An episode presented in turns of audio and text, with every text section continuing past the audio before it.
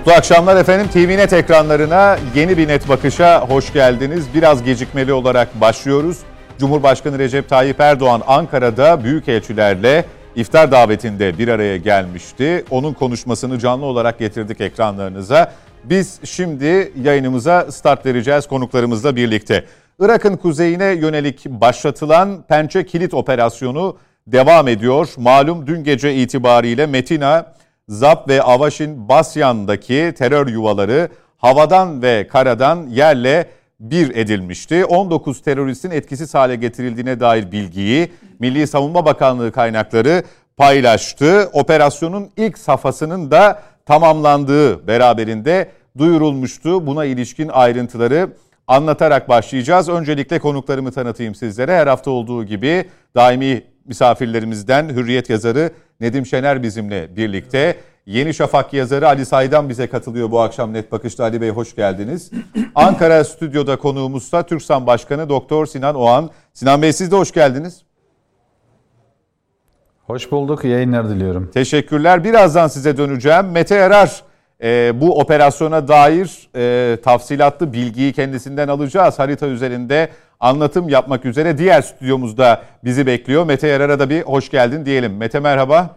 Çok teşekkürler. İyi yayınlar diliyorum herkese. Evet. E, bu operasyonu diğerlerinden farklı kalan, kılan aslında biz e, süre gelen e, özellikle 4 yıldır diyebileceğimiz bir harekattan söz ediyoruz. İrili ufaklı bir harekat zincirinden e, bahsediyoruz. E, dün akşamı e, diğerlerinden farklı kılan neydi? Bu birinci soru olsun. İkincisi ilk safhanın tamamlanması e, bize tam olarak e, neyi anlatıyor? Safhaların çokça olacağını mı söylüyor yoksa ikinci aşamada e, büyük bir mesafe mi kat etmiş olacağız? Öncelikle şöyle söylüyorum. Pençe operasyonları 2018 Zeytin Dalı Harekatı döneminde başlayan e, bir e, Irak, Kuzey Irak'taki faaliyetler, e, özellikle Türk Silahlı Kuvvetleri'nin yaptığı faaliyetlerden bahsediyoruz. O zaman nerede başlamıştı? E, o zaman Hakuk bölgesini içine alan bir operasyon başlamıştı. Buradaki amaç Irak, e, e, düzeltiyorum Irak, Türkiye ve İran e, üçgeninde yer alan e, bu bölgenin temizliğiyle başladı. Ve bu bölgedeki temizlik e, Kandil'e doğru gidecek olan Safa'nın tamamlanmasıyla beraber e, bitirildi. Ondan sonra yine Metina'nın e, batısında yer alan Haftanın bölgesindeki operasyonla devam etti. Ve sırasıyla 2019, 2020, 2021 ve bu sene olduğu döneme gelinceye kadar Metina, Metina, Zap, Avaşin, Basyan bölgelerinde operasyonlar arka arkasına gördük. Bu operasyonların e, terör örgütüne Kuzey Irak'ta yapılan operasyonlardan farkı neydi? Bu operasyonlar kısa süreli geçip karşıda e, terör örgütü yuvalarını veya teröristleri temizleyip geri dönülen bir operasyon değil. Tam tersine bölgede üsler kurarak derinliğe doğru inelen bir e, silsileyi takip ettik. Ben size şöyle basitçe bir şey söyleyeyim. Bizim Suriye bölgesinde ki operasyonlarımızın büyüklüğünü sıklıkla konuştuk ve bunlar devamlı Türkiye'de gündeme geldi. Aslında ondan daha büyük bir alanda, çok daha sert ve zor bir alanda 4 yıldan beri sürdürülen bir operasyonu konuşuyoruz.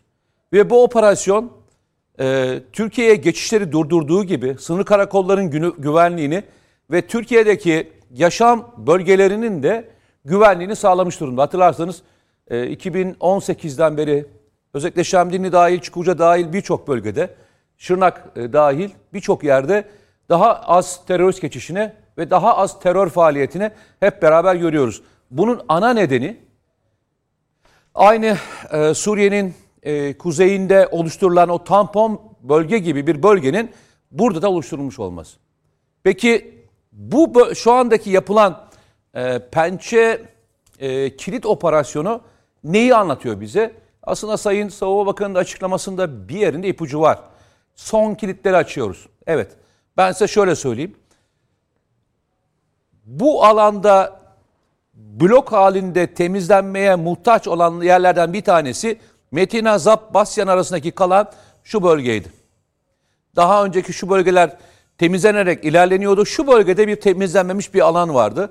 Terör örgütünün yuvalandığı alan buradaydı. Ve bu alana geçmişteki operasyonlardan farklı olarak değişik bir tarzda bir e, harekat düzenlendi. Benim e, harita üzerinde baktığımda gördüğüm en belirgin özelliklerden bir tanesi bu. Nedir Geçmişte- o değişikliğin? Aynen şöyle. Çoğunlukla üstler birbirlerini destekleyecek şekilde ve bir tepeyi alıp ondan sonra diğer tepeye sıçramalarla ilerlenecek şekilde icra edilirken dün akşamki gördüğümüz operasyonda şu ana kadarki istihbarat bilgilerinden söylüyorum yoksa bunu şey açıklamadı. Savunma Bakanlığı açıklamadı. Yerel kaynakların ve çatışma bölgesinden gelen haberlerle baktığımızda neredeyse bir ucu Metina'da, bir ucu Zap'ta, diğeri de Gara'nın hemen üstündeki bloklardaki yere üç farklı büyük hava hücum harekatı icra edildi. Aralarındaki kesitler çok büyük, boşluklar çok büyük ve bu alanın tamamen temizlenmesiyle ilgili geniş bir harekatın başlayacağının işareti. Peki bu olunca ne olacak? Açıkça şunu söyleyeyim. Bu alanın temizlenmesi Gara'nın kilidini açacak. Belki pençe kilit e, denmesinin sebeplerinden bir tanesi de buradaki harekatın Gara'nın kilidini açmış olması, açacak olması. Gara'nın kilidi de zaten otomatikman Kandil'in kilidini açıyor. Yani birbirini Bir ara takip eden, kilitten bir takip ara kilitten söz bir- edebiliriz. efendim? Bir ara kilitten söz edebiliriz aslında Gara için. Ama asıl hedefin de Kandil olduğunu göz önünde bulundurursak e, onun da çok uzak bir tarih olmadığı Ben anlaşılıyor. şöyle söyleyeyim. Aslında baktığımızda yani Kandil e, temsili bir yer. Terör örgütü için önemli bir yer ama e, asıl odaklandıkları yerler Kandil bölgesi değildi. Bizim sınırımıza yakın olan Hakuk bölgesi, Avaşin, Zap, Zap, Betina burası aslında terör örgütünün mevzilendiği, yuvalandığı, terör örgütü mensuplarının neredeyse %90'ının bulunduğu yer buralardı. Buraların temizlenmesi çok daha zordu. Yani Kandil'in bir ismi var ama asıl zor alan yıllardan beri örgütün yatırım yaptığı, tüneller kazdığı, mayınladığı, e, bölgedeki e, keşif ve istihbarat için bölgede yapılanmasının teşkilatlandığı yer burasıydı. Şimdi bu alandaki bu operasyonun bu kadar başarıyla sürdürülmüş olması zaten diğer operasyonların nasıl olacağını bize gösteriyor. Ama bir kez daha söyleyelim terör örgütünün bölgeden tamamen çıkartıldığı ve artık bölgede bir hakimiyetinin kalmadığı, sınırımıza yakın bir hakimiyetinin kalmadığını söylemek istiyorsak Gara'yı ve Kandil'i muhakkak temizlemek zorundayız. Bu nedenle bu operasyon bu ikisinin kilidini açacak son hamleler diyebilirim. Peki sorusu olan var mı Mete Yarar'a? Var. Buyurun Ali Bey. Müsaade buyursanız. Birinci sorum şu. Çok dağlık gözüküyor o bölge. Aynen öyle. Ee, yani doğru görüyorsam. o dağlık bölgede operasyon herhalde çok daha zor. Sadece havadan mı yapılmış yoksa karadan da var mı? İki, çok düşük zayiatla başarılmış gibi gözüküyor. Dört yaralıdan söz ediliyor. Yanlış bilgi almadıysak. Ee, bu bu kadar düşük zayiatla bu başarıyı elde etme nasıl olmuş? Ya e, tabii bir tane sebebi yok. E, çok teşekkür ederim sorunuz için. Bir de işin ilginç tarafı bu harekat geceleyin e, icra edildi. Gündüzde değil. Ya. Yani hava hücum e, e, harekatı dediğimiz hücum indirmesinin helikopterle yapılan bir operasyondan bahsediyoruz. E, sahanın tamamen gözetlenebilmesi gerekiyor. Yani Kendi gece şartlarında bir, çok özür dilerim Mete Yarar, kendi içinde bir hazırlığından söz edebiliriz değil mi? Yani orada olağanüstülük görülüp de bir an önce 1-2 saatte karar verilmiş bir harekattan bahsetmiyoruz. Yok hayır bahsetmiyoruz. Eğer öyle bir şey olmuş olsaydı o, o zaman operasyonun içerisinde şunu görürdük. Ve o bölgeye siyah operasyonu, hava kuvvetleri operasyonu görürdük. Bir hava hücum harekatı gibi bir harekat icra ediyorsanız o bölgede bir yeri tutmak ihtiyacınız vardır. Zaten hava hücum harekatı indirilen tepeler bu bölgede bu bölgenin temizlenmesi için ileride üst bölgesi kurulabilecek yerler. Bu nedenle buralara hava hücum e, harekatın helikopterlerle yapılmış olması ki bunlar bir helikopterle yapılacak değil. Onlarca helikopterle yapılan bir faaliyetten bahsediyoruz. Gece faaliyetinden bahsediyoruz ve geceliğin şartlarında e, belki bazen gündüz fotoğraflarda görüyorsunuz. Helikopter yanaşır bir tek hani e, tekerleklerden bir tanesinin değerek böyle ayak şeyde zor durduğu e, pozisyonları vardır. Çünkü düşünün rüzgar şartlarında, dağ şartlarında, gece şartlarında orada O bu indirmeyi indirme yapmak yapar. zorundasınız. Bu indirmenin yapıldığı yerlerde açıkça öyle söyleyeyim. Terörist faaliyetinden daha çok kaza kırım sonucu oluşacak olan e, şehit ve yaralılar olabilir. Daha çok bunlardan da çekinilir. Gece harekatını yapmak çok zordur. Bu harekatın içerisinde bu harekatın bu nevi başarılı olmuş olması açıkçası Türk Silahlı Kuvvetleri'nin gece operasyonlarında ne kadar başarılı bir yere geldiğinin en büyük şartlarından bir tanesi. Dünyada bir ta- kavram vardır. Bu hava hücum harekatlarını yapan birlik mevcutlarını bir yerden bir yere intikal ettirmekle ilgili e, kavramlar vardır. Geceli bu daha zordu çünkü helikopter pilotlarının bunu deneyimli olmuş olması lazım. Buna ait olan ekipmanların olmuş olması lazım. Şimdi baktığınızda Türk Silahlı Kuvvetleri'nin üçüncü büyük bu harekatları icra edebilme kapasitesi sahip olan bir ülkeden bahsediyoruz. Bakın üçüncü ülkeden bahsediyorum. Bazı ülkeler devasa ordularına sahip olmuş olmasına rağmen hava hücum harekatlarını geceleyin bu şekilde başarılı yapamazlar. O yüzden e, şeyin teslim edelim. Yani e, eğitimi yapan, eğitim alan, bu harekatı icra eden bütün personel bir defa tebrik etmek lazım. Sayıya bakmamak lazım. Yani eskiden şöyle rakamlar çok görürdük. E, bir operasyon icra edildiğinde yüzlerce teröristin öldürüldüğü operasyonlar görürdük. Bazen şimdi şey deniyor ama işte az terörist öldürüldü. Ama şeye baktığınızda toplam totale baktığınızda 2016'dan beri Kuzey Irak'ta ve Suriye'de ve Türkiye içerisinde etkisiz hale getirilen terörist sayısı 30 binin üzerinde. Zaten sayı çok azaldı. Eskiden terörist gruplar 300'lü 400'lü gruplar halinde kamplarda bulunurken bugün beşer onarlı grubun dışında bir grubu görmek çok da mümkün değil. Terör örgütünün sayısının azalmış olması, beraber bir araya gelecek olan mevcudu toparlayamamaları çünkü geldiği an muhakkak bir siyah operasyon etkisiz hale getiriliyor. Başka bir şey daha burada belki diğerlerinden farklı olarak ilk defa bu kadar derinlikli bir sıçrama gördüm ben. Yani e, işte zaman zaman 10 kilometre 15 kilometrelik derinliklerde sıçramalar yapılırken ilk defa Türkiye sınırından birbirinden kopuk birbiriyle üst bölgesi anlamında desteklemeyecek kadar uzak bir bölgeye bir e, hava hücum harekatı icra edilmiş olması da Türk Silahlı Kuvvetleri'nin kendisine güvenini ve bu harekatı icra eden personelin orada alan hakimiyetini kurabil, kurabileceğini inancını da gösteriyor. Çünkü geçmişte bu tip yerlere gidildiğinde yaklaşık 3, 4, 5 tabur gibi e, bazen Bituga'ya yakın birliklerle bu tepelere intikal edilir ve harekat planlanırdı.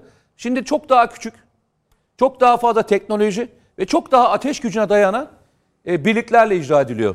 Başka bir şey daha var. Gece bir harekat icra ettiğinizde hem kendi birliklerinizi hem de birliklerinize yaklaşan düşman faaliyetlerini e, keşfetmekle ilgili keşif ve gözlem faaliyetlerini sürdürebilecek olan teknik ekipmanlara ihtiyacınız var. Bugün gördüğümüz nokta o ki bölgedeki gördüğümüz e, böyle bir başarı var. Yani yalnızca kendi birliğinizi izlemezsiniz.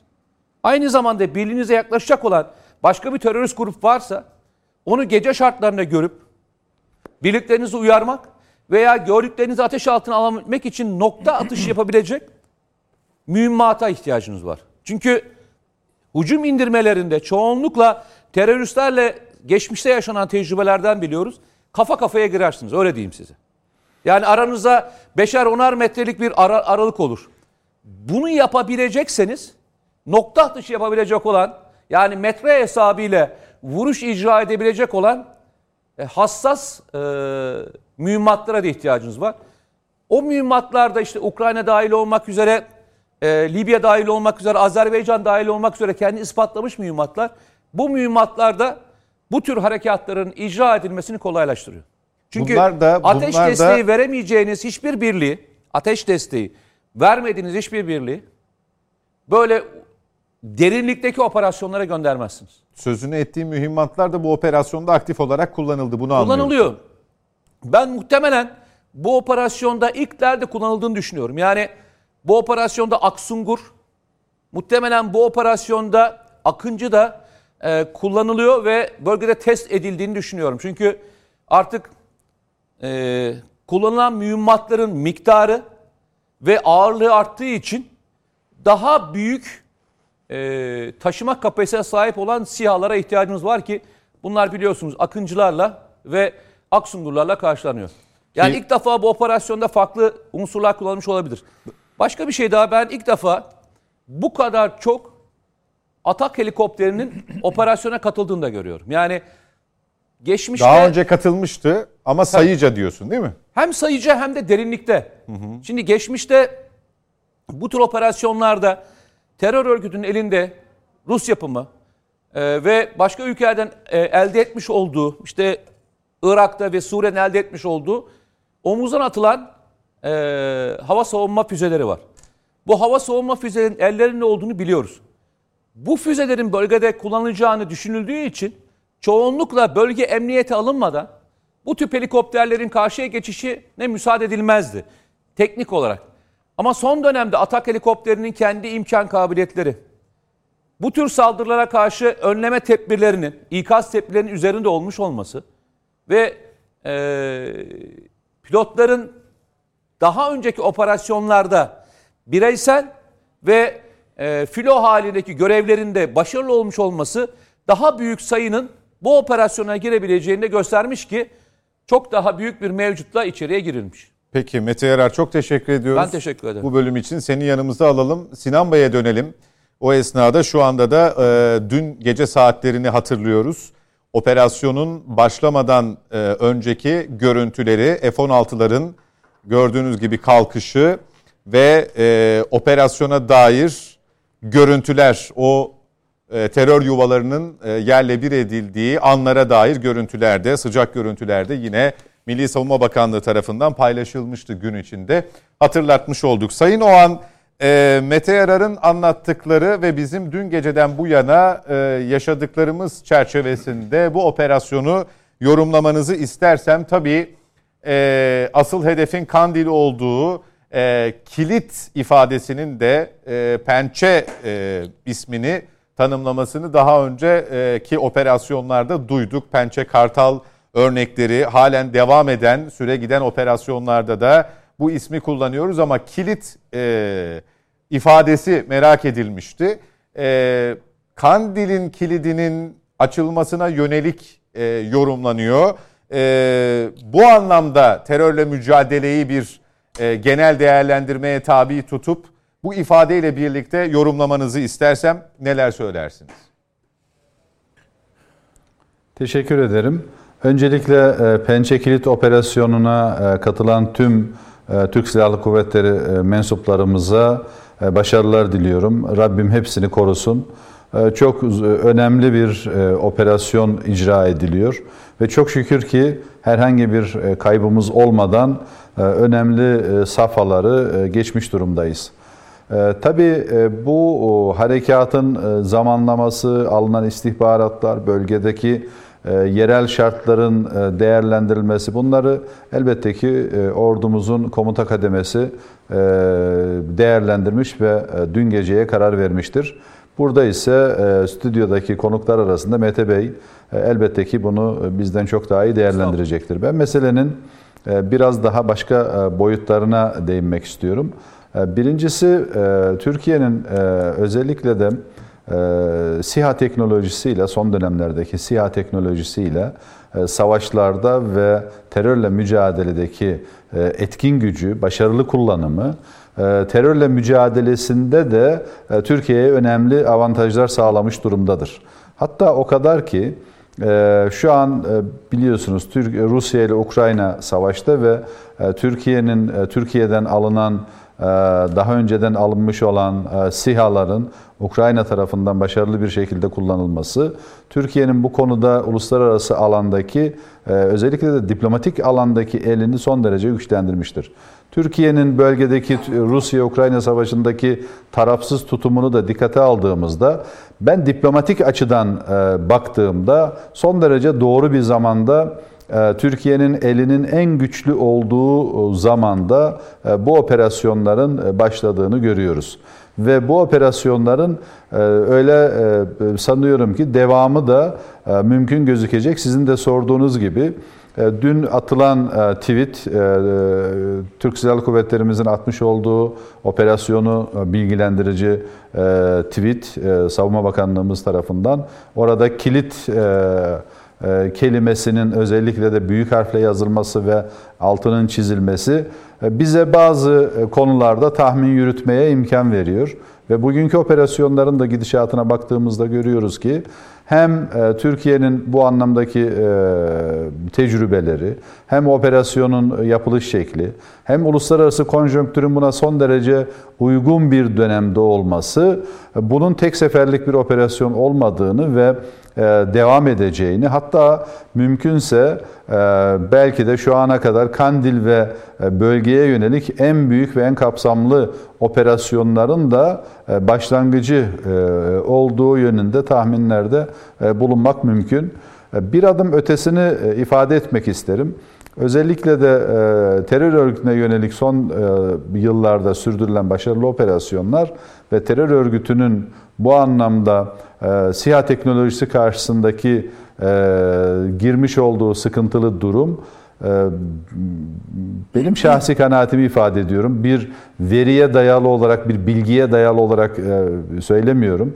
Bölgeyi analiz ettiğimizde ben PKK'nın e, bu sene sonu veya önümüzdeki sene başı itibariyle e, bölgede varlığı tam bitmemekle beraber önemli ölçüde varlığını bölgede sonlandırmak durumunda kalacağını, belki de e, YPG'ye tamamen e, katıldığını e, ve PKK'nın bu anlamda kendisini de PKK ismiyle de bundan sonra ifade etmeyeceğini de öngörmek mümkün olabilir. Çünkü PKK olarak hem uluslararası terör örgütleri listesinde birçok devletin hem bölgede Irak'ın kuzeyinde e, ciddi sıkıntı yaşıyor. Hem de YPG'ye e, o anlamda destek vermek ve YPG içerisinde bölgede maalesef ki bir devletleşme, devletçikleşme çalışmasını da hızlandırmak için böyle bir kararı ama en çok da Türk Silahlı Kuvvetleri'nin vermiş olduğu ağır zayiatların karşısında bölgede daha fazla tutunamayarak böyle bir kararı alma ihtimali olduğunu ifade etmek isterim.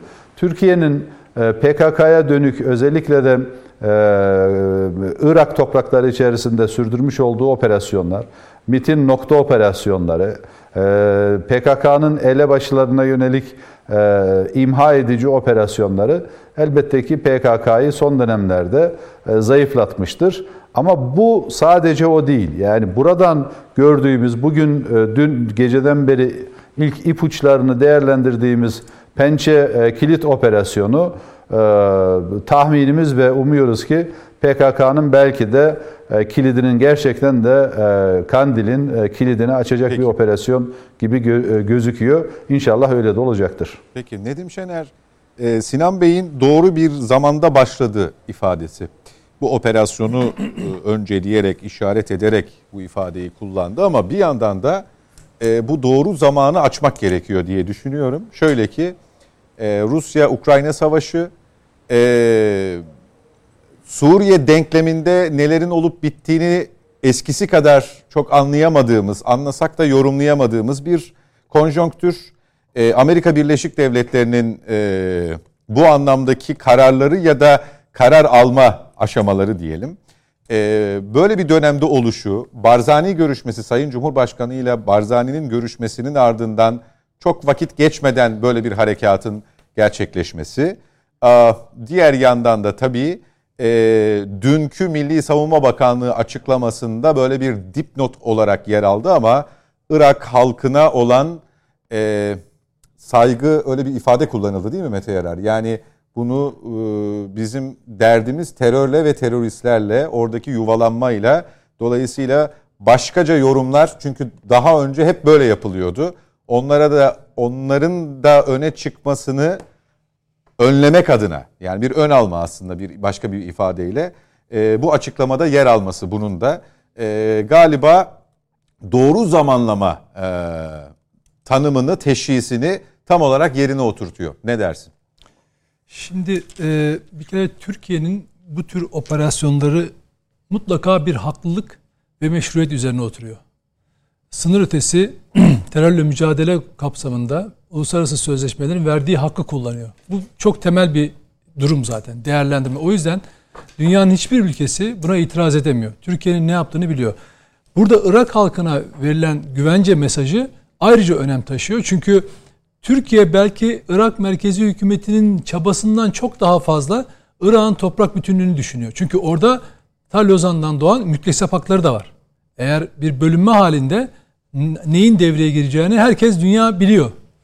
Dolayısıyla bu güvencenin verilmesi önemli. Nitekim Barzani bölgesi bir şımarıklık yapıp referanduma gittiğinde onu oradan vazgeçirten yalnız ve yalnız bütün küresel güçler yanındaydı. İsrail yanındaydı.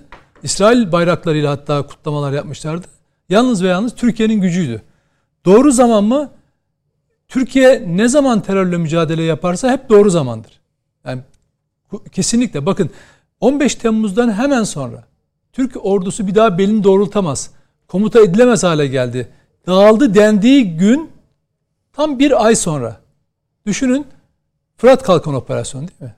Dünyaya gösterdi ne yapılabileceğini. O güne kadar Fethullahçı terör örgütünün ordu içindeki militanlarının engellediği, hatta yol verdiği, Türkiye'nin neredeyse işgaline yol verdiği bir süreçten Suriye topraklarına gidemediğimiz, aksine Suriye topraklarından bizim yerleşim bölgelerimize sürekli IŞİD'li, PKK'ydı saldırıları olurken biz orada bir anda 10 kilometre derinliğe kadar indik değil mi?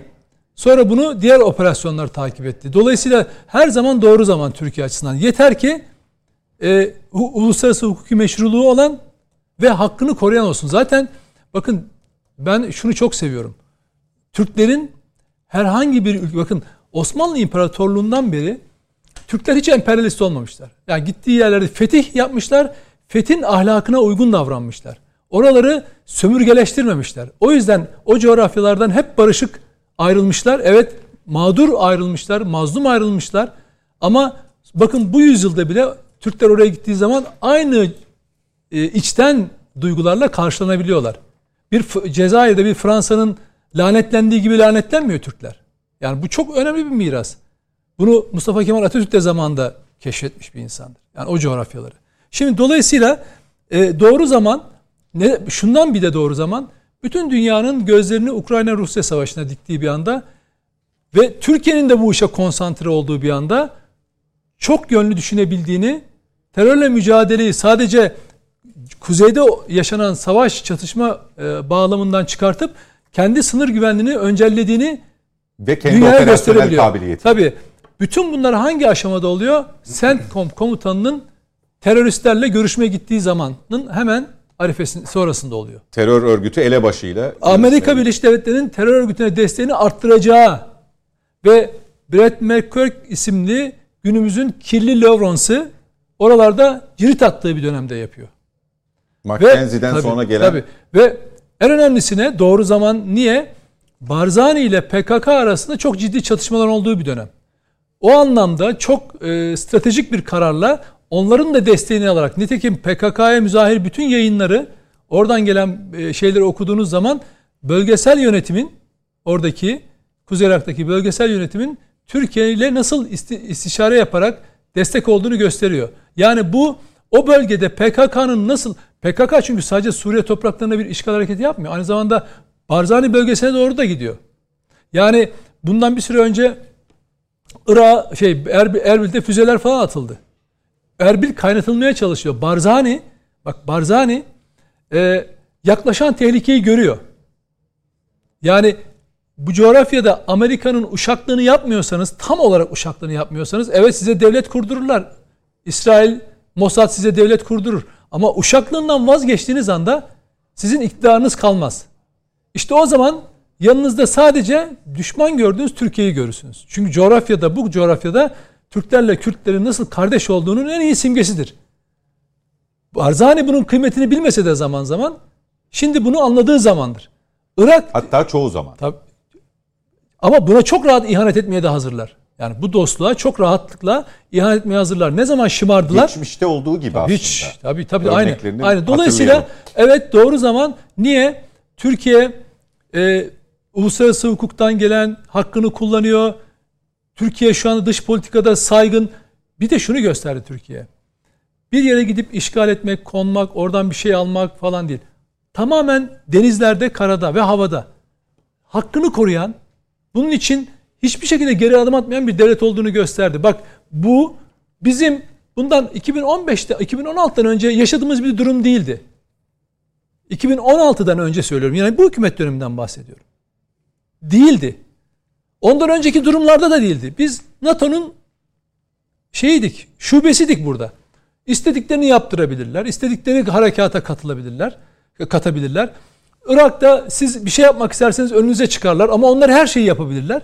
O en sonunda orada bölmek dahil ne yapıyorlarsa bunun bir tek gerçekten direnişi tezkereye hayır dediğimiz denilen tarihtir 2003'te. Bir de 15 Temmuz sonrası Türk milletinin gerçekten devletini silkeleyerek sokaktan toplayıp tekrar ayağa dikmesiyle oluşan ruhtur. O yüzden gerçekten doğru zaman bence. Peki. Ali Saydam... Yalnız ben hani ismini değiştirme konusunda Sinan Bey'e şimdi ben bu dönem Sinan Bey kusura bakmayın siz daha iyi biliyorsunuz bu konuları ama ben de PKK'yı sürekli okuyarak çünkü bu ahlaksızlar bana dava açtılar. Ben bir kitap hazırlıyorum şimdi. Ee, sürekli onu okuyorum ve onunla ilgili e, şeyler derliyorum. PKK bundan bir süre önce de yine ismini değiştirmiş KADEK yapmıştı. Ama örgüt tabanında bu çok kabul görmemişti. E, bugün de mesela PKK adı onlar için çok simgesel bir yeri var. E, evet dediğiniz gibi PKK algısı şey e, bir olumsuzluk yaratıyor onlar açısından. Rahat hareket edemiyorlar. Ama o KADEK ismini kullanmaktan daha sonra da vazgeçmişlerdi. Peki onu onu hatırlatmak istedim sadece. Ama siz tabii daha uzman bir kişi olarak Burada, daha iyi biliyorsunuz. E, estağfurullah, estağfurullah. Ee, bir e, söz alabilir miyim kısaca? Tabii ki Sinan Bey, buyurun. Ee, burada e, benim ifade etmeye çalıştığım sadece basit bir isim değişikliği değil, daha ötesi Suriye içerisinde devletleşme isteyen bir YPG var. Amerika Birleşik Devletleri'nin ve mevcut Biden yönetiminin de buna desteği var. Rusya-Ukrayna savaşı gösterdi ki bölgede her an her şey değişebilir. Her an her şeyin değişken olduğu bir coğrafyada yaşıyorsak desteği buldukları e, noktada e, netice almaya e, çalışacaktır diye düşünüyorum. Ben tamamen bölgesel ve küresel dengeleri dikkate alarak bu analizde bulundum. Yoksa sadece basit bir PKK, KADEK veya başka bir isim değişikliği üzerinden değil, PKK varken YPG'nin orada tırnak içerisinde tabii devletten kastımız elbette devlet değil. Bunlar terör PKKistan olarak ben hep ifade ediyorum. E, orada bir PKKistan kurabilmeleri için buradaki PKK e, algısından vazgeçip yavaş yavaş kendi tırnak içerisinde kendilerine göre e, Batı'yı kandıracaklar. İşte biz artık legalleştik diyecekler. Bu sürece girmek istediklerinden ifade ediyorum. Sanırım Amerika'nın da kendilerine bu yönde telkinleri var. Peki. Ee, Sayın Saydam, e, operasyonun içerideki yankılarına ve yansımalarına bakacak olursak siyasetin gündeminden başlamak gerekecek galiba. Sayın Kılıçdaroğlu e, Pençe Kilit operasyonunda e, dualarımızın kahraman Türk askeriyle, evlatlarıyla olduğunu belirten bir tweet paylaşmıştı. Bir yandan da tabii bu hafta değil önümüzdeki hafta galiba 24 Nisan mıydı? Üçüncü altılı masa buluşması gerçekleşecek. Ee, orada ayrıca iç sancılar var ama bu konu üzerinden de e, Sayın Bahçeli'nin ifadesiydi değil mi? E, yedinci ayak e, HDP şeklinde e, masanın ayağı e, tabiriyle e, bunu kullanmıştı. E, HDP sözcüsünden bir açıklama gelmiş e, muhalefet liderinin verdiği tepkiye bakar mısınız? Sizin Kürt sorununa çözümünüz bu mu diye e, Sayın Kılıçdaroğlu'nun tweetinin hemen altına bu mesajı paylaşmış. Bu da galiba önümüzdeki süreçte e, terör operasyonları üzerinden HDP'nin o masada olup olmadığı, varlığı yokluğu noktasında e, tartışmanın alevleneceğini gösteriyor. Paylaşan kişi kim? HDP'nin sözcüsü Ebru Günay. Tamam. Müstahaktır hocam. Evet. Müstakil durumlara. Siz, e, HDP, HDP Bak Kılıçdaroğlu Siz fırsatı kaçırmayıp üçüncü bir tweet'i atmışsınızdır direkt, diye düşünüyorum. HDP hemen bakmam HDP lazım. HDP ile beraber Cumhuriyet Halk Partisi, Atatürk'ün partisi, Kuvayi Milliyeci Parti bu operasyonlar için gereken tezkereye hayır dedi. Biz feryat figan böyle bir şey olmaz dedik. Biz kulağımıza gördüğümüze inanmak istemedik. Kılıçdaroğlu ve şürekası CHP'yi ele geçirmiş şürekası o tezkereye HDP'lerle hayır dedi. PKK'lılar PKK'nın sözcüleri hayır dedi. Şimdi ayağı taşı taşı ayağınıza taş değmesin diyor. İnsan utanır kardeş. Bak azıcık utanması olsa, bak azıcık utanması olsa ben bunu istiyorum ya. Susar ya. Bizim hayır dediğimiz tezkereye bu devlet şanlı bir operasyon yapıyor.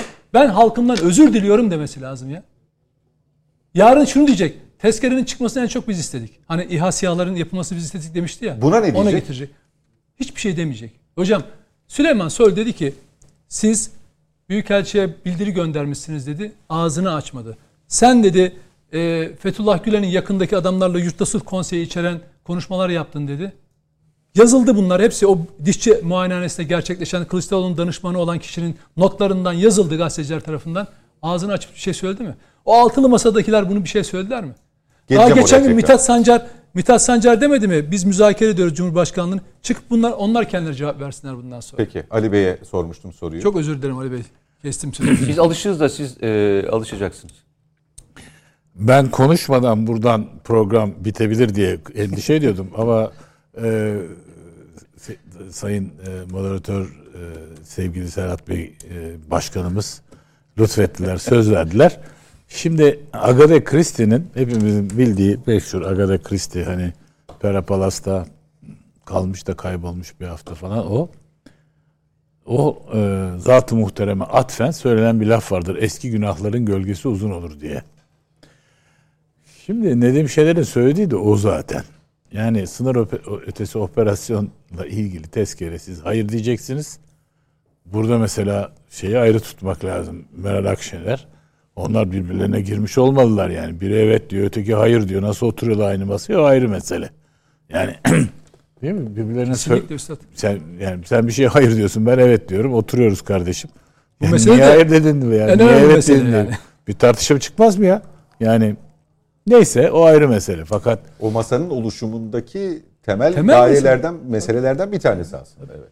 Şimdi ben kesinlikle Nedim Bey'e katılıyorum. Yani e, biz zaten tezkereye evet diyecektik. O teknik bir şey oldu falan. Veyahut da mesela bakın benzer şeyler sonra bu siyasi iletişim boyutunda bu e, yani toplumun hafızasıyla alay ediliyor gibi geliyor bana. Yani mesela işte Selahattin Demirtaş niçin içeride? Niçin hapiste? diyor. Bir. İki diyor ki mesela işte KHK'larla ilgili açıklaması var değil mi? Ve hele yani en son bu Dink'le ilgili Dink cinayetinin Geleceğim oraya da. failleri bulunmadı diyor. Yani el insaf yani şöyle bir baktığınız zaman Dink, Arkasındaki şeyi, arkasındaki gerçek sebebi bilmeniz gerekiyor. evet yani bakın müsaade buyurursanız arz edeyim o ne olmuş ne bitmiş. Ee, FETÖ'cü oldukları ortaya çıkan istihbaratçı polis müdürleri Ramazan Akgürek, Ali Fuat Yılmazer bunların hepsi e, yargılanıyorlar. Efendim e, kasten öldürmek, öldür, öldürmek, e, silahlı örgüte üye olmak gibi ağırlaşan muhabbet ha- Nedim Şener yazdı bugün. Müebbet cezasına çarptırılıyor. O oluyor, bu oluyor. Trabzon İstihbarat Şube Müdürü 12 yıl hapis yiyor. İşte o gün Samas 22 yıl yiyor falan. Böyle bir durum var. Besbelli FETÖ'ye artık bağla yani bu hani şöyle şeyler vardır. Ee, hani sormuş adam demiş ki e, sıcağı çok sever. Kışın şöminenin yanında yatar miyav miyav der. Öteki demiş ki timsah. Yani böyle bir e, ortam e, yaratılıyor ve insana hakikaten e, bir, bir, bir tuhaf geliyor bu. Yani e, hem sınır ötesi operasyona hayır diyeceksin ondan sonra kahraman askerlerimiz işte e, Mete'nin demin anlattığı müthiş bir başarıyla gece Allah'ın dağı e, indi mi inmedi mi hakikaten yaralanan dört asker büyük bir ihtimalle teröristlerle çatışmada değil de Her türlüsü olabilir. Yani tam bilmiyorum mi? ne olduğunu bilmiyorum Ama da. yani yani hiç e, önemli değil. Evet yani böyle bir ortamı birdenbire yere göğe koyamama, sahiplenme.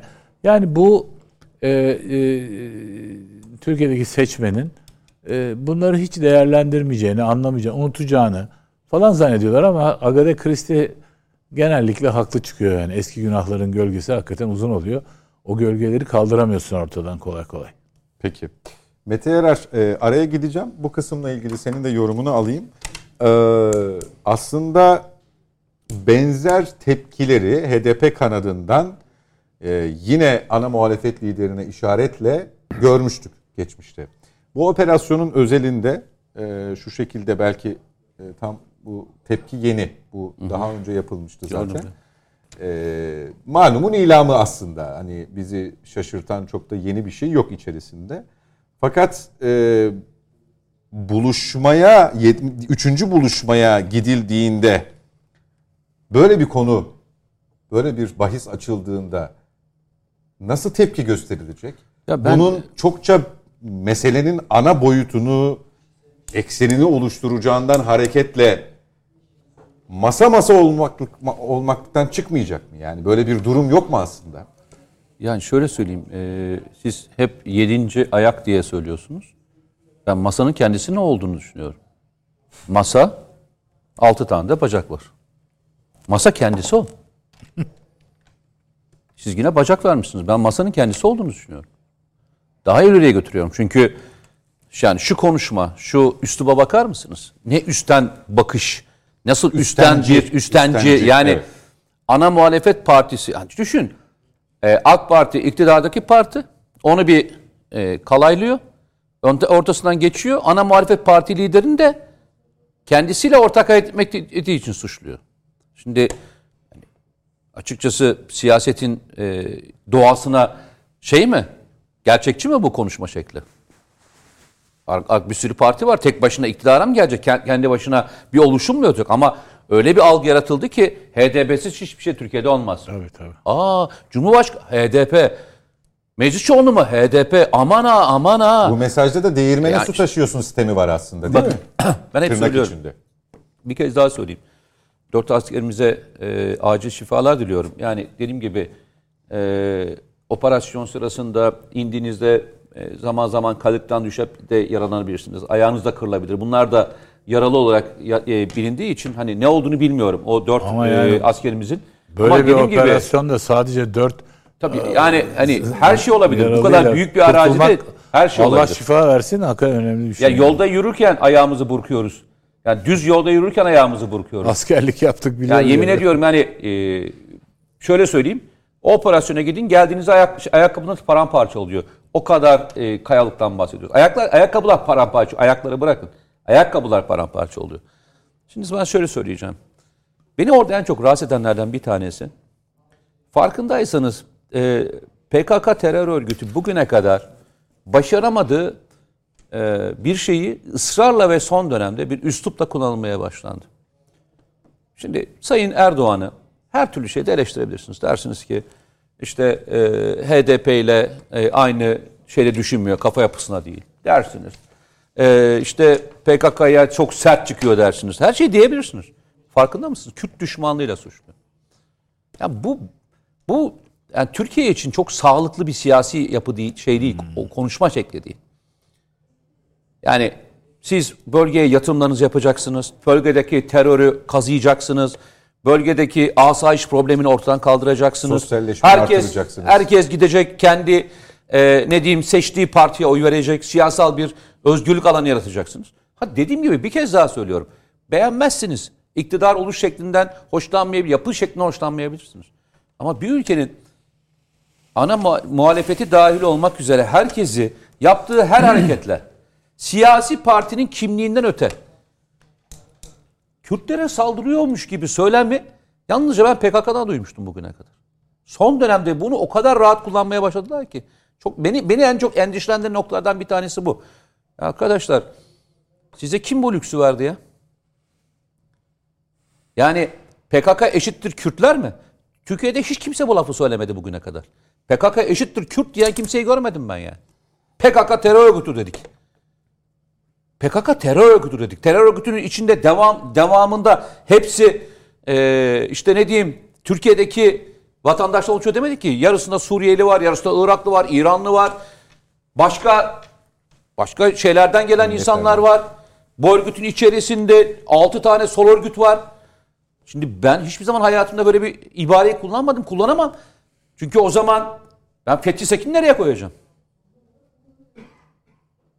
O zaman ben Selim bölgede Kiraz'ı, efendim Selim Kiraz'ı nereye koyacağım? efendim Selim Kiraz'ı nereye koyacağım? yani bu coğrafyanın insanları için mücadele eden, şehit olan bu, bu kadar bu ülke için e, gece gündüz hayatını veren korucularımı nereye koyacağım? Bu ülkeden hiçbir şekilde ayrılmak isteğini belirtmeyen, bu ülke içinde sınırlarında içinde kalan, PKK'ya destek vermeyen insanlarımı nereye koyacağım? Böyle bir şey var mı? Yani biz bile, bak ben bile söylüyorum, ben kendim için söylüyorum. Güneydoğu'da yaşamış askerlerimizi, zorlukları her şeyini yaşamış insan olarak hayatımda ağzıma bu lafı alamam. Çarpılırım derim yani. Bu ülkenin insanlarına böyle bir ihanet içinde olabilir misiniz ya? Ne demek Kürt düşmanlığı ya? Bakın bu lafı ben söylesem Nedim söylesem mahkemeye verirler değil mi? Hangisi? Kürt düşmanı lafını mı? Yok yok hayır. PKK eşittir Kü- Kürt diyebilir misin sen? Asla. Hayatta hayatımıza ağzımıza Ama- almayız böyle ama bir şey. PKK eşittir HDP diyebiliyorum yani. Ya ben bunu diyemem. Ben böyle bir şeyin ben buradan geçiremem. Siz çıkıyorsunuz bir siyasi parti olarak söylediğiniz cümlenin üst kısmı ayrı bir fecaat. Ana muhalefet için söylediğiniz ayrı bir fecaat. İyi Parti için söylediğiniz ayrı bir şey. MHP için söylediğiniz ayrı bir şey kardeşim. Yani bu olayın bu olayın ötesinde herkesin altına masa dahil olmak üzere bu ülkede siyaset yapan herkesin bence ders çıkartması gereken bir süreci de yaşıyoruz ya. Nasıl bir süreçten geçiyoruz ben anlamıyorum yani. Her kötü şey Türk ismiyle anılıyor. Her iyi şey Türkiye'li ismiyle anılıyor. Bu memleketin geldiği bu konuma nasıl getirtirebilirsiniz ya? Veya bugün işte bir siyasi partinin milletvekili çıkıp e, Türkiye'ye, Türkiye Büyük Millet Meclisi'nde olan bir adam Türkiye'ye ömür biçebiliyor. Yani Türkiye'ye sadakatle yemin eden, hizmet edeceğini söyleyen adam, bulunduğu Türkiye Büyük Millet Meclisi'ndeki adam Türkiye'ye ömrü biçiyor. Fazla ömrü kalmadı diyor. Ya böyle bir ya böyle bir atmosfer atmosfer PKK'nın yapamadığı atmosferdir ya. PKK Türkiye'de ne Kürt Türk yata- yaratamadı ki. Yıllardan beri bu üslubu kullandı. Yıllar, yıllardan beri bu söylem üzerine kurdu kendisini ve hiç kimse inandıramadı. Ve şimdi bakın bu söylemi herkes kullanabiliyor çok rahat bir şekilde. Ve siyasallaştı bu söylem. Siyasallaştı. Çünkü siyasi anlamda bunun malzeme getirebileceğine inandı. Ortam yaratıldı. Yeni bir şey değildi ama bir mühendislik çalışması ürünü olduğu için de tekrarlanıyor. miya- sadece mühendislik değil. Siyasi anlamda konuşmalar da bunu böyle getirdi. Söylem şöyle. Ha, bak ayağınızı denk alın. Cumhurbaşkanlığı seçimi. Hmm, bak Biz meclisten bir karar çıkacak. Hmm. Şimdi bu söylemi hangi parti kendi içine sindirebilir ki ya? Ben vatandaş olarak sindiremiyorum ya. Ya ben ben kendi vatandaş olarak sindiremiyorum. Dersiniz ki kardeşim ya ben desteklemiyorum. Bu fikre değilim. Bu bu sizin görüşünüz. Ben desteklemiyorum dersiniz. Bu özgür iradedir ya. İyi de Türkiye'ye ömür biçip biçmek Türkiye'ye ömür biçmek ne zamandan beri özgür irade oldu ya? Türkiye'ye sövmek, Türk milletine sövmek ne zamandan beri özgür irade oldu ya? Ve biz bunları böyle hani e, normaldir ya şimdi seçim zamanı bunları şimdi görmesek yani sonra düşünürüz bunları. Bir seçim geçsin sonra düşünürüz. Ben size söyleyeyim. Seçim geçsin asıl kıyamet o zaman kopacak. Peki. Bu turu tamamlayacağım efendim müsaadenizle. Eklemek istedikleriniz e, yoksa. Var. E, sizinki uzun sürebilir diye düşündüğüm için Reklamdan sonra. bir araya gideyim. Peki, tamam. E, Sinan Bey'e e, söz vermedim ikinci Sinan turda. Bey'den sonra Sinan ben- Bey'den sonra size geleceğim. Peki. Reklamların ardından buradayız efendim. Bizden ayrılmayın. Yeniden birlikteyiz efendim. Net Bakış'a Ali Saydam, Sinan Oğan, Mete Yarar ve Nedim Şener'le devam ediyoruz. Araya gitmeden önce e, Pençe Kilit Operasyonu'na dair CHP Genel Başkanı Sayın Kılıçdaroğlu'nun paylaştığı tweet ve ona gelen cevap HDP cephesinden gelen cevabı konuklarıma sormuştum. Bu konudaki görüşünü Sinan Oğan'dan almadım. Onu da tamamlayalım. Sonra bir başka konu başlığına geçeceğiz. Sayın Oğan e, hem altılı masa toplantıları çerçevesinde hem de masanın ayağı masanın kendisi perspektifinde bunu nasıl değerlendiriyorsunuz? Özellikle de son operasyonda e, Sayın Kılıçdaroğlu'nun e, operasyona olan destek destek niteliğindeki mesajı fakat HDP'den gelen e, çok e, kendisini hedef alan sert açıklama tepki. Şimdi e, ben hem bir e, strateji merkezi başkanlığını yapan hem de siyasetin içerisinde bizzat bulunmuş ve bulunmaya devam eden e, bir arkadaşınızım. Ve e, sahada ve siyasette gördüğüm e, hadise şudur. E, elbette insanlar birbirini eleştirir, e, televizyona çıkan uzmanlar siyasi partileri eleştirir. Ancak e, son tahlilde hepimizin ortak noktası Türk Silahlı Kuvvetleri ve e, onun e, yürüttüğü terörle mücadele operasyonudur. E, Eğer e, Türk Silahlı Kuvvetlerimizin bu operasyonuna e, A partisi veya B partisi destek veriyorsa bundan mutlu olmak lazım. E, Bu çerçevede de e, Sayın Kılıçdaroğlu'nun veya diğer sayın e, siyasi parti liderlerinin e, bu mesajlarını müspet değerlendirmek lazım. Çünkü her konuyu tartışalım, her konuyu polemik yapalım, her konuda karşılıklı olarak birbirimize suçlamalar getirelim ama eğer orada Mehmetçik canını dişine takmış Türkiye'nin kaderini belirleyecek operasyonlara imza atıyorsa burada iç cephenin bir bütün halinde olmasında fayda var. E, Bütün e, siyasi parti liderlerinin, bütün siyasetçilerin bir bütün halinde ordumuzun arkasında e, ve bu operasyonun arkasında olmasında fayda var. Unutmamak lazım ki devletlerin en önemli güçlerinden birisi iç cephe ve moral gücüdür. O sebeple bu çerçevede müspet değerlendirmek gerekir. HDP'ye gelecek olursak HDP zaten yani bizi şahsen beni hiçbir zaman şaşırtmadı bu konularda. E, HDP e, evet biraz önce Nedim Bey çok doğru söyledi. HDP eşittir PKK. Ben de yıllardır aynısını söylüyorum. HDP eşittir PKK. Peki o zaman e, bir soru akla geliyor. E, PKK'nın mecliste ne işi var? PKK'nın altında neden kırmızı araba var? Kırmızı plakalı araçlar var. PKK'nın neden bu ülkenin bütçesinden maaş alıyor? E, diyeceksiniz demokrasi var, mahkemeler var, şunlar var, bunlar var. E, ancak ben burada e, aynı fikirde değilim. E, Eğer terör örgütünün açıkça desteği, terör örgütünün açıkça yanında duruyorsa bir siyasi parti görünümlü oluşum ve arasına bir mesafe koymuyorsa bunu bu- şimdi Türkiye'de bunu anlatırken bazen çok anlaşılmıyor. Çünkü maalesef ki o- kadar çok böyle bu anlamda terör örgütünün terör örgütü yandaşlarının sayısı o kadar çok ki maalesef bazen böyle içselleş yani insanlar kanıksıyorlar bazen.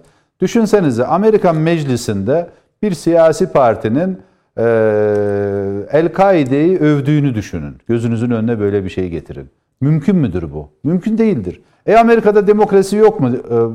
E, var. Amerika'da da demokrasi var. Türkiye'de de var. Ama niye Amerika'da El-Kaide'yi övebilen, biz El-Kaide'yi sırtımızı El-Kaide'ye dayadık diyen bir parti olamıyor da Türkiye'de neden sırtını e, PKK'ya dayayan bir siyasi parti olabiliyor? Ve biz de bunu e, bağımsız mahkemeler var, işte demokrasi var falan deyip kendi kendimize bunu kabul ettiriyoruz. Dolayısıyla buradan başlamak lazım meseleye. Türk siyaset denkleminden HDP'yi çıkarmak lazım. Bakınız ben size bir acı gerçeği söyleyeyim. E, Ali Bey, e, Sayın Saydam e, kamuoyu araştırmalarını, iletişimi vesaire gayet iyi bilirler. Benim bir siyasetçi olarak izlenimim şudur. Millet İttifakı ile Cumhur İttifakı adayları kanaatimi ifade ediyorum. ikinci tura kalacaklar ve ikinci tura kaldıklarında HDP kendisini Türkiye'de Türkiye'nin kilidi konumuna sokmuş olacak. HDP otomatik olarak Türkiye'de hangi partiye hangi tarafa destek verirse onun kazanmasını sağlayacak bir konuma gelecek. Şahsen benim için bundan daha büyük bir zul olamaz. Şahsen bir Türk vatandaşı ve Türk milliyetçisi olarak HDP'nin kilit olduğu bir siyasi sistemi ben asla kabul etmiyorum, reddediyorum. Ve bununla ilgili kafa yormak lazım. Bunun üzerinde çalışmak lazım. Nasıl olur ki HDP Türk siyasetini kilitleyebilecek bir pozisyona geliyor? Nasıl oluyor ki HDP kendisini e, ikinci tura gelince, gelince görüşürüz demek durumunda kalıyor? Dolayısıyla da bu meseleleri biraz bu çerçeveden değerlendirmekte fayda var. Aynı şey- düşünüyoruz. şey Şeyle, sorabilir aşağı yukarı değil mi? Ee, Sinan Bey'le aynı şeyi düşünüyoruz. Serhat Bey bir şey söyleyebilir miyim? Buyurunuz Ali Bey. Teşekkür ederim. Ee, Sayın Oğan'ın e, açıklamalarına bir şey ilave edelim. Sadece e, kilit parti gibi olmakla kalmıyor. Meclisteki konuşmalara da bakacak olursak e, talep de getiriyor. Yani diyor ki ha, beni be- benim oylarımı istiyorsan eğer benle işbirliği yapacaksan işte iki tane bakanlık bilmem ne falan. Açıkça hani şeye dedi ya döndü e, İyi Siz, Parti. siz bizim yüzümüzden buradasınız dedi. Evet, siz bizim yüzümüzden bu bu, bu genel Sayemizde. sayemizde. Genel seçimler böyle olmayacak dedi. Hani yerel seçimlerde olduğu gibi biz çantada keklik değiliz anlamına gelen. Bir de Sayın Oğan şey getiriyorlar yani e, e, siyasi e, ikbal konusunda ve Türkiye'nin gelecek tasarımını yönetme konusunda talep de getiriyorlar yani. Biz de olacağız bu işin içinde. Öbür tarafta diyor ki işte e, CHP milletvekillerinden biri bir canlı yayında dedi ki ya Millet Meclisi'nde başkan vekili yaptıklarına göre iki tane bakanlık verilebilir dedi ya. Evet. Dursun Çiçek söylemiş. Yani o yüzden e, Sayın Oğan'ın infialini anlıyorum da mevcut hayal yani ge- gerçeklik çok daha farklı yani. Baya sadece bunlar kilit parti olmakla kalmayıp bir de yani ülkenin yönetiminde iddia sahibi. Hatta şöyle tartışmalara ben tanık oldum baya. Acaba hangi bakanlıklar verilebilir bunlara iki tane? Yani icracı bakanlık olmasın falan. İcracı olmayan bakanlık var mı ya? Efendim işte neyi kastediyorlar bilmiyorum Eskiden ama. devlet bakanlığı diye bir kavram vardı Evet, da şimdi bravo. öyle bir bakanlık Şey, yok bildiğim kadarıyla. Düşük profil mesela geçen sefer e, seçim sürecinde oldu ya AB Bakanlığı gibi mesela. Hani hiçbir işlevi kalmamış bir bakanlık olabilir örneğin. Yani işte hatta kültür mültür de verilebilir, bölünebilir diyorlar kültür ve turizm mi? Falan hani. Ya çok e, Tabii, Sayın ben- Oğan'ın çizdiği tablodan daha vahim bir tablo Şimdi olduğu kanaatindeyim de onu bu konuda yani dedim. şöyle bu konuda Anayasa Mahkemesi'ne açılmış bir dava var. Şimdi Sinan Bey'in bahsettiği sorunu giderici bir karar alabilir mi? Yani kapatma yönünde bir karar alırsa bu siyasette nasıl dengeleri etkiler? E, ayrı konuşmak lazım.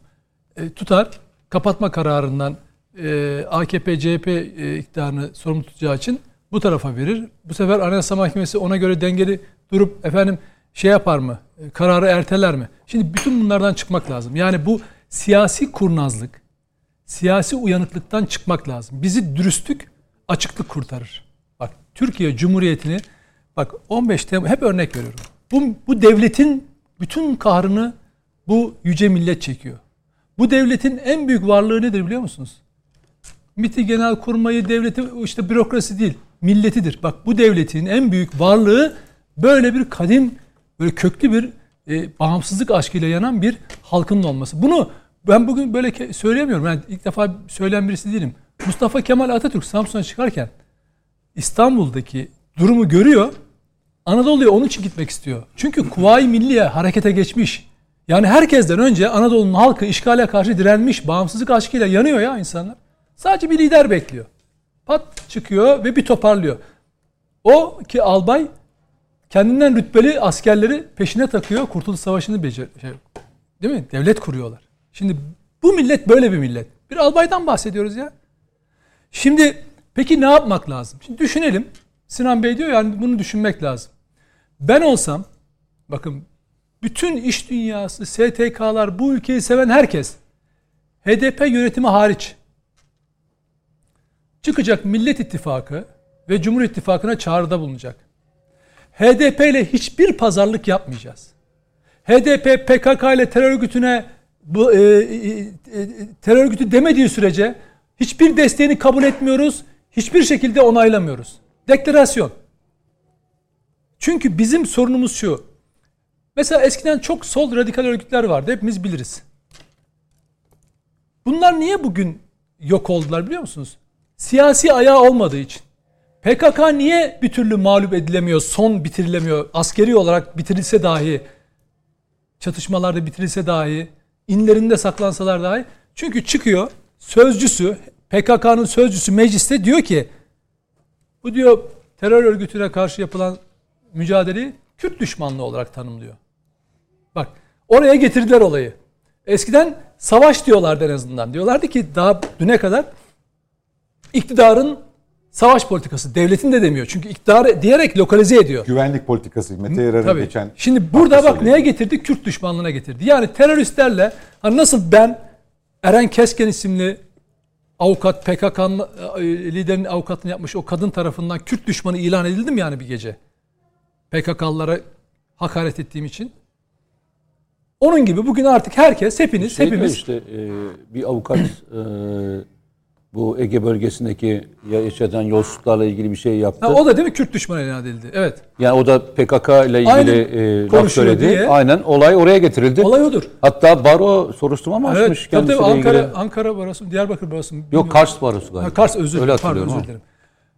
Uğur Mumcu'ya yaptılar bunu zamanında. PKK'nın Mossad CIA ile ilişkisini yazdı diye Özgür Gündem isimli PKK paçavrasındaki gazete diye birileri de orada yönetmenlik yaptı ha. Ceza yiyince de aa ifade özgürlüğü falan filan. Bu kadar mı ucuz ülkede ifade özgürlüğü? O gazetede Uğur Mumcu hedef gösterildi. Kürt düşmanı diye. PKK'nın CIA ve Mossad'la ilişkilerini 93'te yazdı diye. Güldan Mumcu'nun kitabında yazıyor. Şimdi dolayısıyla şimdi ne yapmış? PKK'nın sözcüsü, bak HDP'nin demiyorum. PKK'nın sözcüsü Ebru Günay diyor ki Erdoğan Kürt düşmanlığı üzerinden tüm muhalefeti hizaya getirmek istiyor.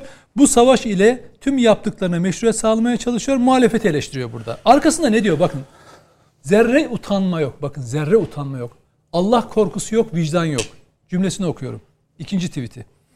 Kürt sorununun çözümü, Türkiye'nin demokratik geleceği ölmek ve öldürmekten geçmiyor. Mübarek Ramazan ayında kan dökmek, ölümlere sebep olmak yerine yaşatmayı ve kutsal savunmak kut- e, e, ve çözümü savunmaktır kutsal olan. Ve ahlaktan yoksun namussuzlar. Ey HDP yönetimi. Yasin Börü Kurban Bayramı'nda et dağıtırken sizin aşağılık taraftarlarınız tarafından paramparça edilmedi mi? Arkadaşlarıyla otomobillerin altında e, öldürdünüz yetmedi. Ce- ceza- cenazelerine işkence yapmadınız mı? Kurban Bayramı'nda yapmadınız mı bunu? O Selahattin Demirtaş isimli terörist çağrı yapmadı mı? E, PK, partinizin yönetimi o çağrıyı PKK'nın talimatıyla yapmadı mı? Şimdi ben bunları böyle söyleyince öfkeli ve sinirli adam oluyorum. Evet öfkeliyim kardeşim. PKK'ya da FETÖ'ye öfkeliyim. Ve bu öfkem dinmeyecek. Bu arsızlık ve utanmazlık ve bu arsız ve utanmazlar işbirliği yapan yüzsüzler, Kılıçdaroğlu gibiler olduğu sürece bu öfkem geçmeyecek. Çünkü insan neye dayan, dayan aldatılmaya dayanamıyor değil mi? Sen diyorsun ki çıkıyorsun Atatürk'ün partisiyim, Kuvayi Milliye'yim diyorsun, partisiyim diyorsun. Çıkıyorsun PKK'larla onların söyle Demirtaş'ın suçu ne? Demirtaş'ın suçu Yasin Börü'nün ölümüne sebep olmak Sayın Demirtaş, şey, Kılıçdaroğlu. İmamoğlu denilen belediye başkanı. Çok beğeniyormuş Demirtaş'ın siyasetini. Yasin Börü'nün katliamını mı beğeniyor? Bunlar bunlar bu ülkenin Cumhurbaşkanı adayları. Mete diyor ya nasıl yönetecekler ya bu ülkeyi? Ya pardon Ali Bey. Nasıl yönetecekler? Sor- soruyorum. Sadece iş bakanlık yapmakla da vermekle kalmıyor. Ben 7 tane parti yarın iktidar olduklarında olurlarsa bu meseleye nasıl bakacaklar? Al sana muhatap. Demiyor musunuz Kılıçdaroğlu? Meseleye Sayın Kılıçdaroğlu bakmak için bir şeyi mesele Ya- olarak görmek lazım. gördün diyelim. Muhatap olarak aldığın adam işte PKK. PKK'nın siyasetteki sözcüsü HDP. Diyor ki benim teröristlerle savaşıyorsan sen Kürt düşmanısın diyor. Bunu Kılıçdaroğlu'na da söylüyor. Ki e, aynı etnik kimliğe sahip Kılıçdaroğlu. Anında damgayı yer. Yarın HDP içinde kampanya yapsınlar. Kılıçdaroğlu en büyük Kürt düşmanı ilan edilebilir bir anda. Şimdi dolayısıyla bundan bakın Ali Bey dedi bu, ya da Sinan Bey'in de söylediği gibi ben Türkiye Cumhuriyeti ben çaresiz değilim. Ben yurttaş olarak tek başına bir yurttaş olarak söylüyorum. Allah'ın kitabını seven bu ülkeyi azıcık seven Millet İttifakı veya Cumhur İttifakı'na oy verecek olanlardan buna Cumhurbaşkanı Erdoğan dahil, Devlet Bahçeli dahil, Akşener dahil, Kılıçdaroğlu dahil. Onlardan şu deklarasyonu isteyecek. Bir bu millete söz, söz verecekler. Ç- ekrana Öcalan diye birini çıkarmayacaklar. Mek Kandil'den umut beklemeyecekler. Hiç kimse. HDP'den umut beklemeyecekler. Kandil'den umut beklemeyecekler. İmralı'dan umut bek. Kimse oradan aa oradan bir işaret gelsin. Ben işte HDP'nin oyunu onlar Millet İttifakı'na kızarlarsa Cumhur İttifakı'na verirler. Hayır. Buna Bahçeli engel olmalı. Buna Erdoğan engel olmalı. Diyecek ki istemiyoruz kardeşim. Senin vereceğin de sen 6 milyon oy? Al al istediğin yere git. 6 milyon oyunla istediğin yere git. Senin PKK'nın terör örgütü olduğun burada yazıyor. Sen diyorsun ki bu, bu sözcü PKK eşittir HDP. Bunu bilmeyen var mı? Peki senin verdiğin destek demokrasi, seçmen seçilme hakları. Peki kardeşim ben işit parti kursa, FETÖ bir parti kursa bilsek. Bilsek. Kanun nizama uygun. Yargıtay denetiminden geçmiş. Anayasa hiçbir itiraz. FETÖ bir parti kurmuş. Ben de ve işte hoca efendi hoca efendi güzel diyor. Ben de mesela ona oy veriyorum. Bana ne dersiniz? Vatan haini dersiniz. Siz demezseniz ben derim zaten kendime. FETÖ'nün partisine oy verecek adama vatan haini derim ben. PKK'nın partisine oy verecek adama da bunu söylerim. Aklını başına alacaksın. PKK kimdir biliyor musun? PKK Diyarbakır'da, Muş'ta, Bingöl'de, Şırnak'ta, Yüksekova'da Kürtleri katleden örgüttür. Bu HDP onun sözcüsüdür. Bak HDP ise şu olabilir mi ya? Şu olabilir mi? İzzeti nefis açısından söylüyorum. Bak hep ben duygusal konuşuyorum. Hep duygularla konuşuyorum. İçimden gelerek konuşuyorum. Son nefesime kadar savunabileceğim şeyleri söylüyorum. Bir insan ailesini, komşusunu, akrabasını, hemşerisini kendi etnik kökeninden bahsediyoruz. İnsanları katletmiş, kitlesel katletmiş, hamile kadınları, Kürtleri katletmiş bir örgütün siyasi sözcüsüne, onun liderine özgürlük isteyen siyasi şubesine oy verebilir mi? İzzeti nefis nerede? Bana Kürt düşmanı, beni Kürt düşmanı ilan ettiler. Beni mahkemeye verdiler bunun için. Dedim ki onların verdiği oyun PKK'lıların attığı Kaleşnikov'tan farkı yok benim için. Ben öyle HDP'lere güzel görüneceğim, CHP'lere güzel görüneceğim, AKP'lere güzel görüneceğim. MHP öyle bir şey yok. Ben ben sadece bu bu vatana, aileme tamam mı? Bu, bu ülkeme ülkeme kendimi borçlu hissediyorum. Başka kimseye bu, değil. Bu bölümü toparlamak zorunda. Dolayısıyla rica ediyorum. Ben bunu bunu söyledim. Daha önce de söylemiştim. Bunu savunacağım. Her iki ittifak üyesi de diyecek ki biz evet altı şeyiz. HDP istemiyoruz kardeşim. Ama aynı tutarlılığı Cumhur İttifakı'ndan da bekleyecek. Siyasi kurnazlık, insanları oyalamak falan yok. İster Anayasa Mahkemesi kapatsın, ister kapatmasın. Kapatma kimin lehine, kimin aleyhine ona da bakmadan. Peki. Diyeceksiniz ki ben bunu reddediyorum. bunu eğer minimize etmezseniz bakın Türkiye'de terörün siyasi ayağını minimize etmezseniz çözemiyorsunuz. Uluslararası desteği var. FETÖ'yle mücadelemizin en büyük sorunu bu. Amerika, Avrupa uluslararası destek veriyor. Kendi mali kaynakları var. Kendi mali kaynakları, şirketleri var, paraları var. PKK onu uyuşturucuyla falan finanse ediyor. Amerika'dan, Avrupa'dan aldığı yardımlarla, bağışlarla finanse ediyor. Birisi de kendi şirketleri, kendi paraları var. Ama ikisine de siyasi olarak uluslararası desteği var. Asıl önemlisi içeride sözcüsü var. Ali Bey'in söylediği KHK'ları iade edeceğim. Peki. Bu siyasi destektir FETÖ'ye. E, kontrollü darbe söylemi. FETÖ'nün yalanını raporlaştırmak siyasi destektir. Hrant Dink cinayetinde hala FETÖ'cülerin her şeyle ortaya çıkmışken, ben hayatımı ortaya koymuşken, sen hala devletin içinde karanlık güç arıyor, arıyorum diyorsan, sen sadece FETÖ'yü atlamaya çalışıyorsun, destek veriyorsun demektir. Başka hiçbir adı yoktur bunun ilmi Peki, senin asıl konun ve sorundu. Ali Saydam'a soru. Bir tur dönüp öyle geleceğim. E, notlarını Tabii. uzunca aldığını düşünüyorum. Karanlık güç ifadesi. E, Nedim Şener bugünkü yazısında kaleme aldı bunu ve aslında e, kronolojik hatırlatmalarla e, Sayın Kılıçdaroğlu'nun da bundan 7 yıl önce parti grup toplantısı zannediyorum değil mi Nedim Şener? Orada ismini anarak senin tabii, tabii, teşekkür, e, teşekkür ediyor. E, hakkını teslim etmeliyiz. Aslında haktan ziyade mücadelesini desteklemeliyiz diyor. Bu uğurda Hrant Dink e, cinayetinden e, bahsediyoruz. E, bununla ilgili biliyorsunuz e, Hrant Dink Vakfı'na ziyarette bulundu Sayın Kılıçdaroğlu. Ve orada e, karanlık güç ifadesini kullandı. Bununla da yetinmedi. Hrant Dink'in failleri, gerçek failleri halen bulunabilmiş değil dedi. Ali Saydam ilk bölümde bir atıf yapmıştı.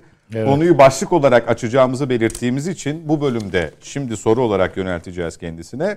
7 yıl önce ne demişti Sayın Kılıçdaroğlu? Nedim Şener'in de ismini anarak bugün ne diyor sorusu aslında başlı başına bu mukayeseyi yapmamız ve buradan bir çıkarımda bulunmamız için geçerli bir sebep diye düşünüyorum. Doğru, Siz düşünüyor, doğru düşünüyorsunuz. Nedim Şener'in tabii yatacak yeri yok. Yani yeterince yatmadı mı? Çok iyi. Hakikaten yani e, bu kadar e, açık ve net e, ifade ederseniz bir şeyi yani politika biliyorsunuz Latin İngilizcesini söyleyeyim Anglo-Saksonların kullandığı political correctness diye bir şey var. Bu Nedim Şener'de yok. Yani political correctness dedikleri po, e, siyasi doğruculuk denen bir kavram var. Yani bir başka deyişle ayar diyebilir miyiz? Yok gerçeğin başka şekilde şekil hakkında söylemi. Evet, dolaylı anlatım. Dolaylı anlatım, direkt anlatım yok yani. Evet, diplomatlar bunu çok iyi yaparlar. Ee, political correctness şimdi size çok ağır bir hakarette bulunacağım. Ama diyorum ki efendim sizin bu yaptıklarınızın e, ülkenin e, menfaatleri ve kültür ve değerler e, setleriyle pek yakından uzaktan ilgisi yokmuş gibi geliyor bana. Bunu Diyorlar. Böyle böyle diyorsa evet. Şimdi Nedim Şener'de bu yok. Nedim Şener dan diye hakaretini e, gerekiyorsa nefretini ve de şeyini dile getiriyor. O yüzdendir ki kendisi bir Yatacak ne- yeri yok. Yatacak yeri yok. Bir zaman kendisini yere göğe koymayanlar hemen arkasından onun ne kadar e, yanlış düşündüğünü kanıtlamak için çırpınabilirler. Şöyle diyorlar ya üstad. Buyurun. Diyorlar ya. Biz e, tutuklanmadan önce seni tut cevap ta- yanlış tanımışız diyor. Eyvallah. Doğrudur. Doğrudur. Yani e, FETÖ önce Çünkü evet doğru. Beni hain, vatan haini zannetmişler. FETÖ önce onu e, şey yapmaya çalıştı, örgütlemeye çalıştı ama başaramadılar yani e, kolay örgütlenmiyor bir türlü. Baksanıza bu grupta da AK Parti'ye de, MHP'ye de, e, CHP'ye de maşallah hepsine birden ayar çekti Bakalım burada. nereye, nereye gidecek? Sonu nerede çıkacak? E, buradan? ay- hepsine birden burada İletişim, ay- iletişim kitabı yazacağım bunun üzerine diye.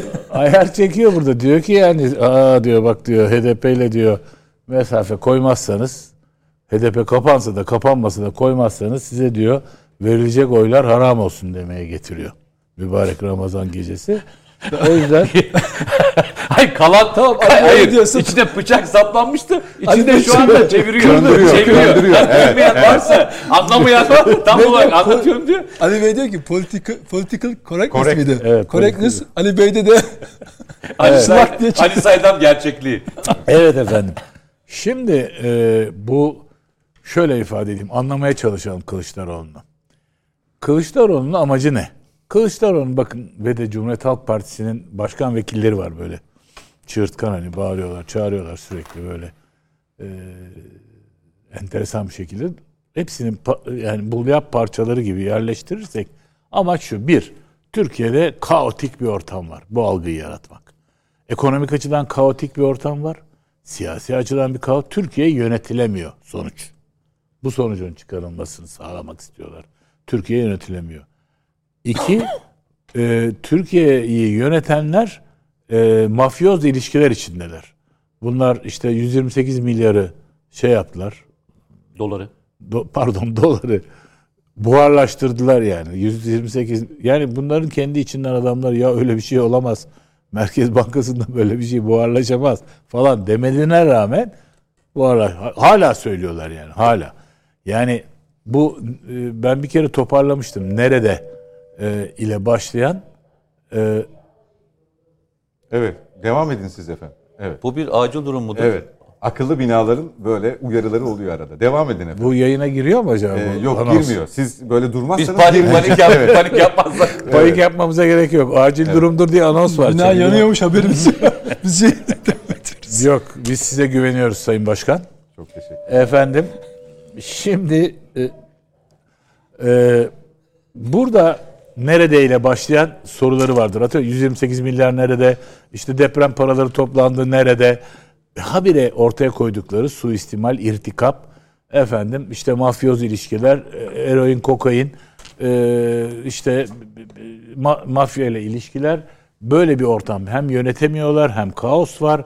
Ekonomik açıdan, siyasi açıdan falan böyle bir ortam yaratmaya çalışıyorlar. Şimdi bunun parçalarından bir tanesi de tabii ki doğal olarak sorsak şimdi Hrant Dink konusu nedir? Aa, bunun arkasında bunlar var. Bunlar, Karanlık güç ifadesi. Karanlık güç dediği kastettiği bu şey iktidarı kastediyor yani. Karanlık, karanlık güç dediği e, şeyde Özbekistan'da e, bir karanlık güç var. O olaya müdahale ediyor değil herhalde yani kastettiği hükümeti kastediyor. Yani nasıl yani KHK ile e, ilgili yaptığı açıklamada da yaptı o. Gelir gelmez bir hafta içinde e, bunların hepsini çıkar, serbest bırakacağız, ve görevlerini iade edeceğiz diyor. Yani e, e, Nedim Şener'in kanın son damlasına kadar mücadele ettiği ne kadar FETÖ'cü varsa hepsi görevlerinin başına gelecek yani. Ondan sonra ne yapacak bilmiyorum valla Nedim. Yani, Yatacak yeri yok dedi ya. evet. O zaman yani- bulurlar. Yat- yatır- Yani yatıracak bir yer Gelir bulurlar. gel veya mesela 180 derece pol- dış politikada 180 derece tersini yapacağız diyor. Nedir 180 derece ters? Yani bir kere işte Kuzey Irak'tan Ben bulamıyorum o.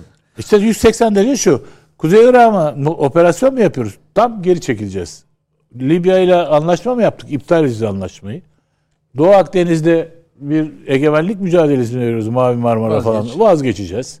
Ege Barış Denizi'dir. Ayaklarıyla şiir yazarsın. Tabii tabii işte tabii Yunanistan'la ne diyorsa NATO, Yunanistan, Amerika ne diyorsa onları yapacağız. Zaten altılı masanın ifadesi var gayet net. Hani milli bağımsızlık falan lafını duydunuz mu siz şeyde? Gördünüz mü? Hayır aslan.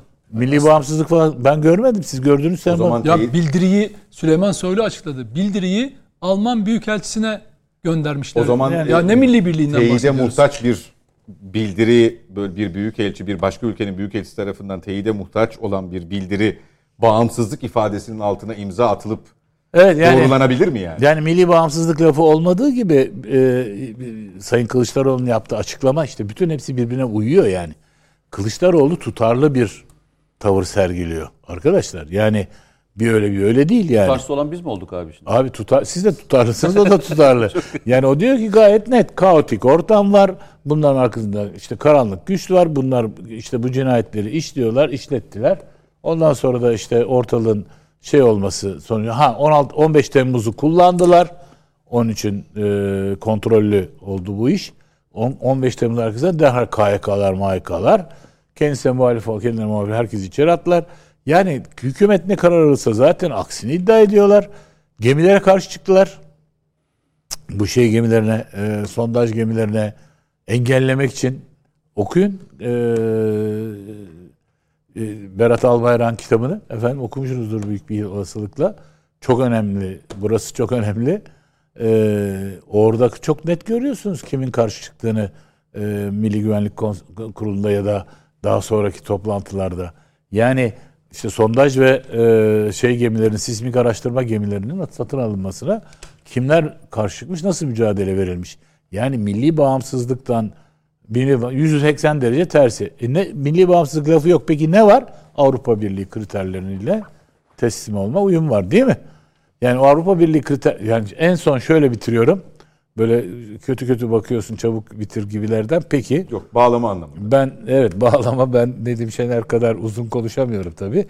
Burada e, e, çok basit. Mahcup oluyor öyle yapmayın. Öyle yapmayın. Peki. O zaman daha çok konuşuyor. Öyle mi? Kızınca daha çok yapıyor. Şimdi şeyde diyorlar ki e, Sayın Kılıçdaroğlu lütfen düzeltin beni yanlış hatırlıyor olabilirim. Değil mi? E, nisyan ile malul olan e, şeyimiz, hafızayı beşerimiz. Efendim, dü- de- benim hatırladığım kadarıyla Avrupa Konseyi'nde Türkiye çekimsel oy kullandı. Ukrayna-Rusya meselesinde. Şiddetle eleştirdi Kılıçdaroğlu. Niye çekimsel oy Ee, kullanıyorsun diye. Kullandı. İki, ikinci olay Meral Akşener dedi ki derhal çok net hatırlıyorum ya. Derhal tavır alması Yaptırım. lazım Türkiye yaptırım uygulaması lazım dedi. Düşünebiliyor musunuz? A. Sınır ötesi operasyonlar yapmayalım dediler. Yapmasaydık. B. e, çekimsel olarak kullanmayıp yaptırım uygulasaydık Ru- Rusya'ya ya ne halde olacaktık? Önemli değil. Önemli olan demin çizdiğim tabloya uygun hareket ediyorlar. Türkiye'de kaotik bir ortam var. Yönetilemiyor Türkiye. İkide bir söylemiyorlar mı bunu? Bunlar Türkiye'yi yönetemiyorlar. Bay kriz diyor. Şey ikide bir değil mi Meral Hanım? Yani öteki de Kılıçdaroğlu diyor ki yönetilemiyor. O nedenle bu şey konusundaki aldığı tavırlar işte e, operasyonla ilgili e, kıymetli kardeşimizin Mete'nin ben o anlattığı zaman anlıyorum ha. Yani enteresan bir şekilde. Şey, Herkesin anlayacağı dilden anlat. Valla operasyon anlıyorum o anlatınca. E, o nedenle uygundur yani. Peki. Uygun. Sayın Oğan e, biz e, CHP cephesinde e, bir kavramsallaştırma olarak helalleşmeyi duymuştuk önce. E, son ziyarette e, Hrant Dink Vakfı'nı ziyarette bu anlamda yorumlandı. Yani yorumlanan yerler vardı. E, neden? E, geçmişte herhangi bir e, bu anlamda ihmalimiz, hatalı bir söylemimiz e, olduysa e, bunu telafi etme maksadıyla bir helalleşme, ziyaret olabilir. E, bu bir açıktan özür olabilir şeklinde son bu temas da bu şekilde yorumlandı. E, fakat o esnada yapılan açıklama hem e, Hrant Dink'i cinayetine ilişkin e, gerçek faillerin bulunamadığı yönündeki beyan hem de e, siyasi mesaj da tabii içerdiği için bu e, daha önce yaptığı açıklamalarla e, çeliştiğinden mütevellit neler oluyor sorusunu gündeme getirdi. Bu konu özelinde görüşlerinizi alayım daha sonra devam edeceğim. Şimdi öncelikle e, Cumhuriyet Halk Partisi'nin e, bu başlatmış olduğu kendisine göre bir dizi helalleşme tırnak içerisinde girişiminde girişiminin son e, perdesi olan e, Hrant Dink Vakfı üzerinden eğer Ermeni vatandaşlarımızla ilgili bir helalleşmeye girişiyorsa Türkiye'de Ermeni vatandaşlarımıza karşı bir ayrımcılık mı var ki helalleşilsin? Ee, Türkiye'de Ermeni vatandaşlarımıza karşı bir baskı mı var ki helalleşsin? Onlar da Türkiye Cumhuriyeti'ni oluşturan diğer e, bütün 85 milyon gibi bu ülkenin birer eşit vatandaşlarıdır. Dolayısıyla e, Türkiye Cumhuriyeti'nin bütün vatandaşlarından helalleşme isteniyorsa, herkesten isteniyorsa içinde Ermeni vatandaşlarımızdan da, Çerkez vatandaşlarımızdan da, başkalarından da bir bütün olarak istenir. Ama ayrı ayrı böyle e, katmanlardan, e, Türkiye Cumhuriyeti'ni oluşturan katmanları ayrı ayrılıkta ziyaret edip her birinden farklı bir helalleşme istenecekse e, bunun sonunun nereye varacağını Sayın Kılıçdaroğlu bile kestiremeyebilir. Onu ifade edeyim. Bu tür tehlikeli işlere kimsenin girişmemesinde fayda var.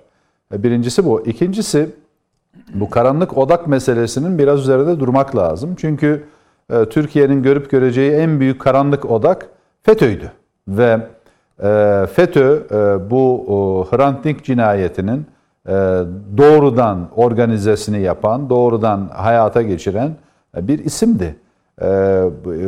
Tutuklu olan kişi, tetiği çeken kişi sadece bir piyon olarak kullanıldı. Bu projenin arkasında FETÖ vardı. Benim 24 Nisan 2015 tarihinde İstanbul Teknik Üniversitesi'nin Stratejik Araştırmalar Kulübü e, diye bir kulübü vardı, öğrenci kulübü. Orada yaptığım konuşma vardı. Şimdi onu hatırladım. E, o, o gün de ifade etmiştim. Bugün de aynısını ifade ediyorum. E, FETÖ bir nasıl ifade edeyim? O dönemde hem Türkiye'yi karıştırmak hem Türkiye'de Türk-Ermeni çatışması ortaya çıkarmak hem de bu anlamda e, bir e, e, bir bir iç karışıklık çıkarmak için Hrant Dink'i katletti. FETÖ katletti. Ve o günü bir gözünüzün önüne getirin lütfen. Hrant Dink öldürüldü yani birkaç saat içerisinde çok önceden hazırlandığı belli olan pankartlarla hepimiz Ermeniz diye sokaklara dökünüldü.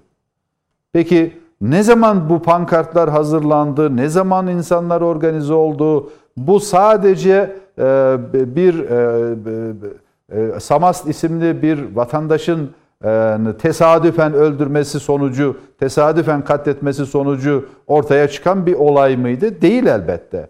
Peki bunun arkasında farklı nasıl bir karanlık güç olabilir?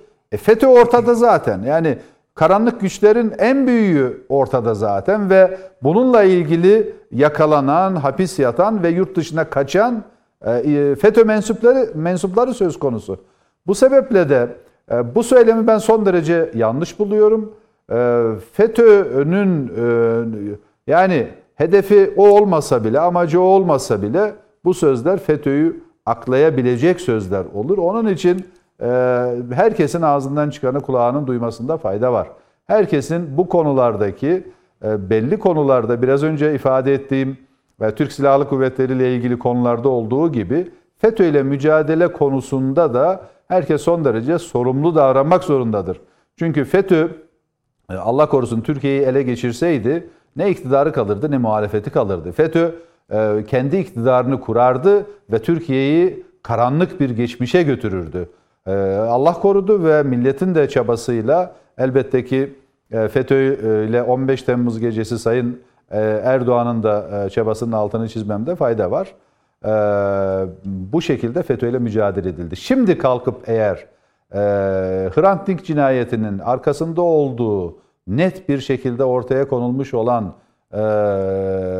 bu cinayetin e, üzerinde soru işaretleriyle başka yöne çekmeyi ben son derece yanlış bulurum. Peki. Ee, Mete Erer e, merhum e, Markar e, bir yazısında bahsetmişti galiba ya da bir sohbet esnasında bunu ifade etmişti. Hrant Dink'in de vefatının galiba işte bundan 3 ya da 4 sene öncesinden bahsediyorum.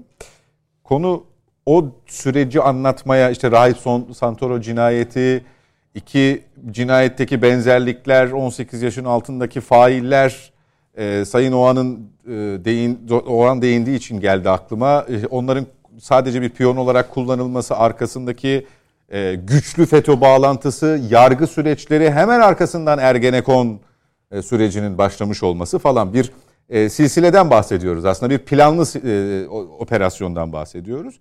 E, şöyle bir ifade kullanmıştı. Hrant'ın arkadaşı olduğunu iddia edenler dahi neden FETÖ bağlantısından, e, FETÖ'nün rolünden, başrolünden bahsetmezler demişti. Vallahi- E, birden o geldi aklıma. Bir de soru olsun bu. Yani şöyle söyleyeyim biz e, zaman zaman Nedim'le yaptığımız programlarda, YouTube'da da yaptığımız programlarda ben bu soruyu Nedim'e sordum.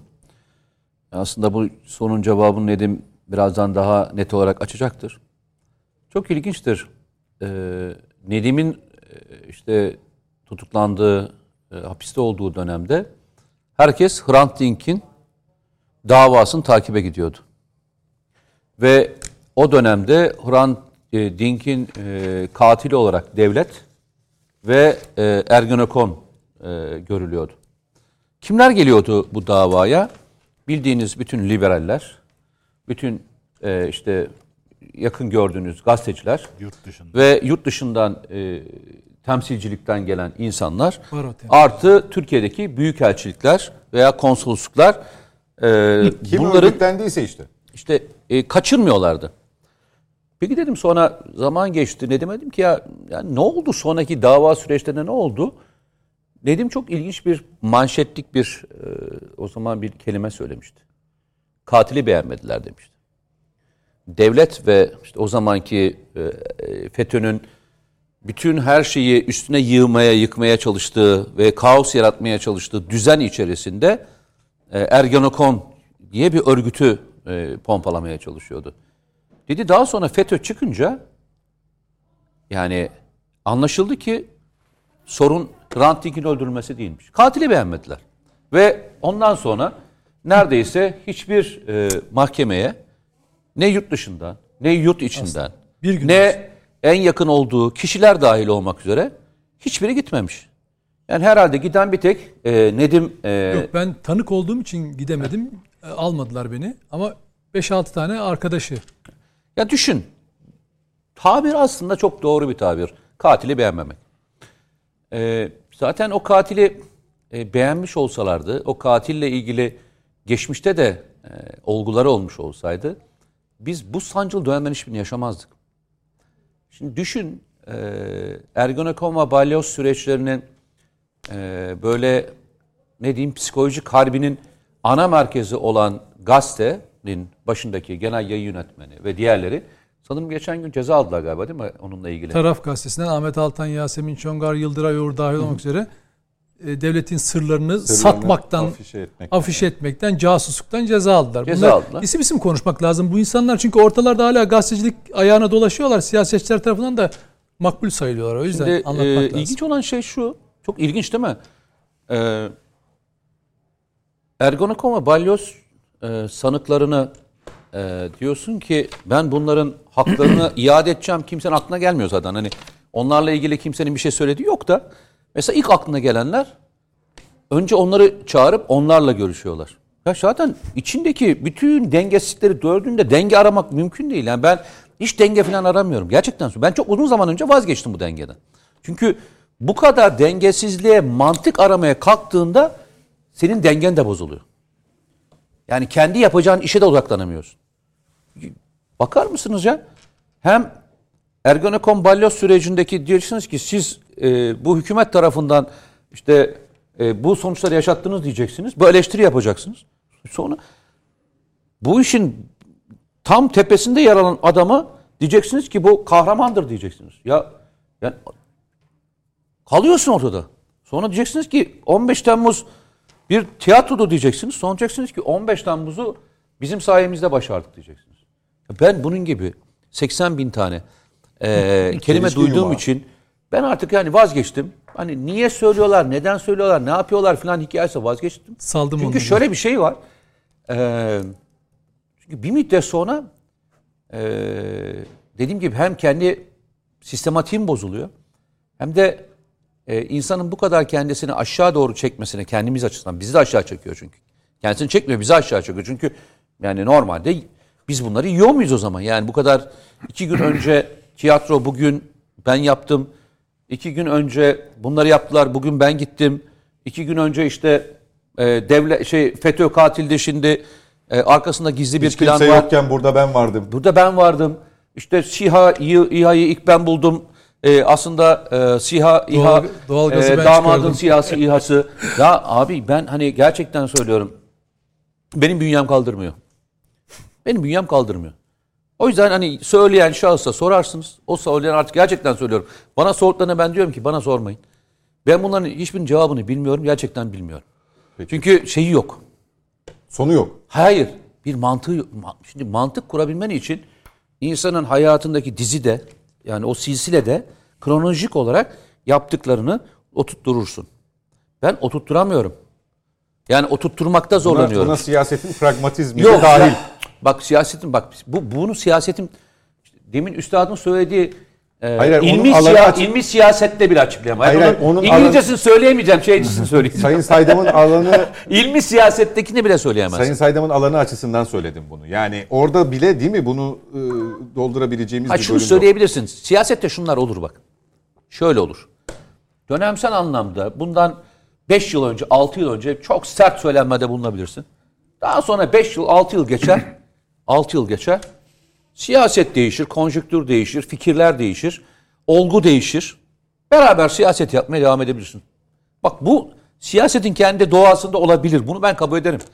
Ama bugün söylediğini yarın söylemezlik yapamazsın. Yani Diyarbakır'dan geçer sonra da Kandil'e gideriz. Oradan başka tarafa gidip Yozgat'tayken başka bir cümle, Diyarbakır'da başka bir cümle, Samsun'da başka bir cümle kurmazsın. Bu kısa sürelerdekileri anlamlandıramazsın. Ben bak yine söylüyorum. Siyasetin doğası uzlaşı bulma sanatıdır. Zaten bundan vazgeçerseniz siyaset yapamazsınız. Hukuki anlamda uzlaşı bulma sanatıdır. Söylemler üzerine giderseniz kimse kimsenin suratına bakamaz. Doğru mu? Geçmişte de böyleydi, bugün de böyle. Ama bunun arasında bir zaman, bunun arasında bir konjüktür, bunun arasında bir dönem, bunun arkasından bir olgunlaşma, bunun arkasından bakışın değişmesi gerekir.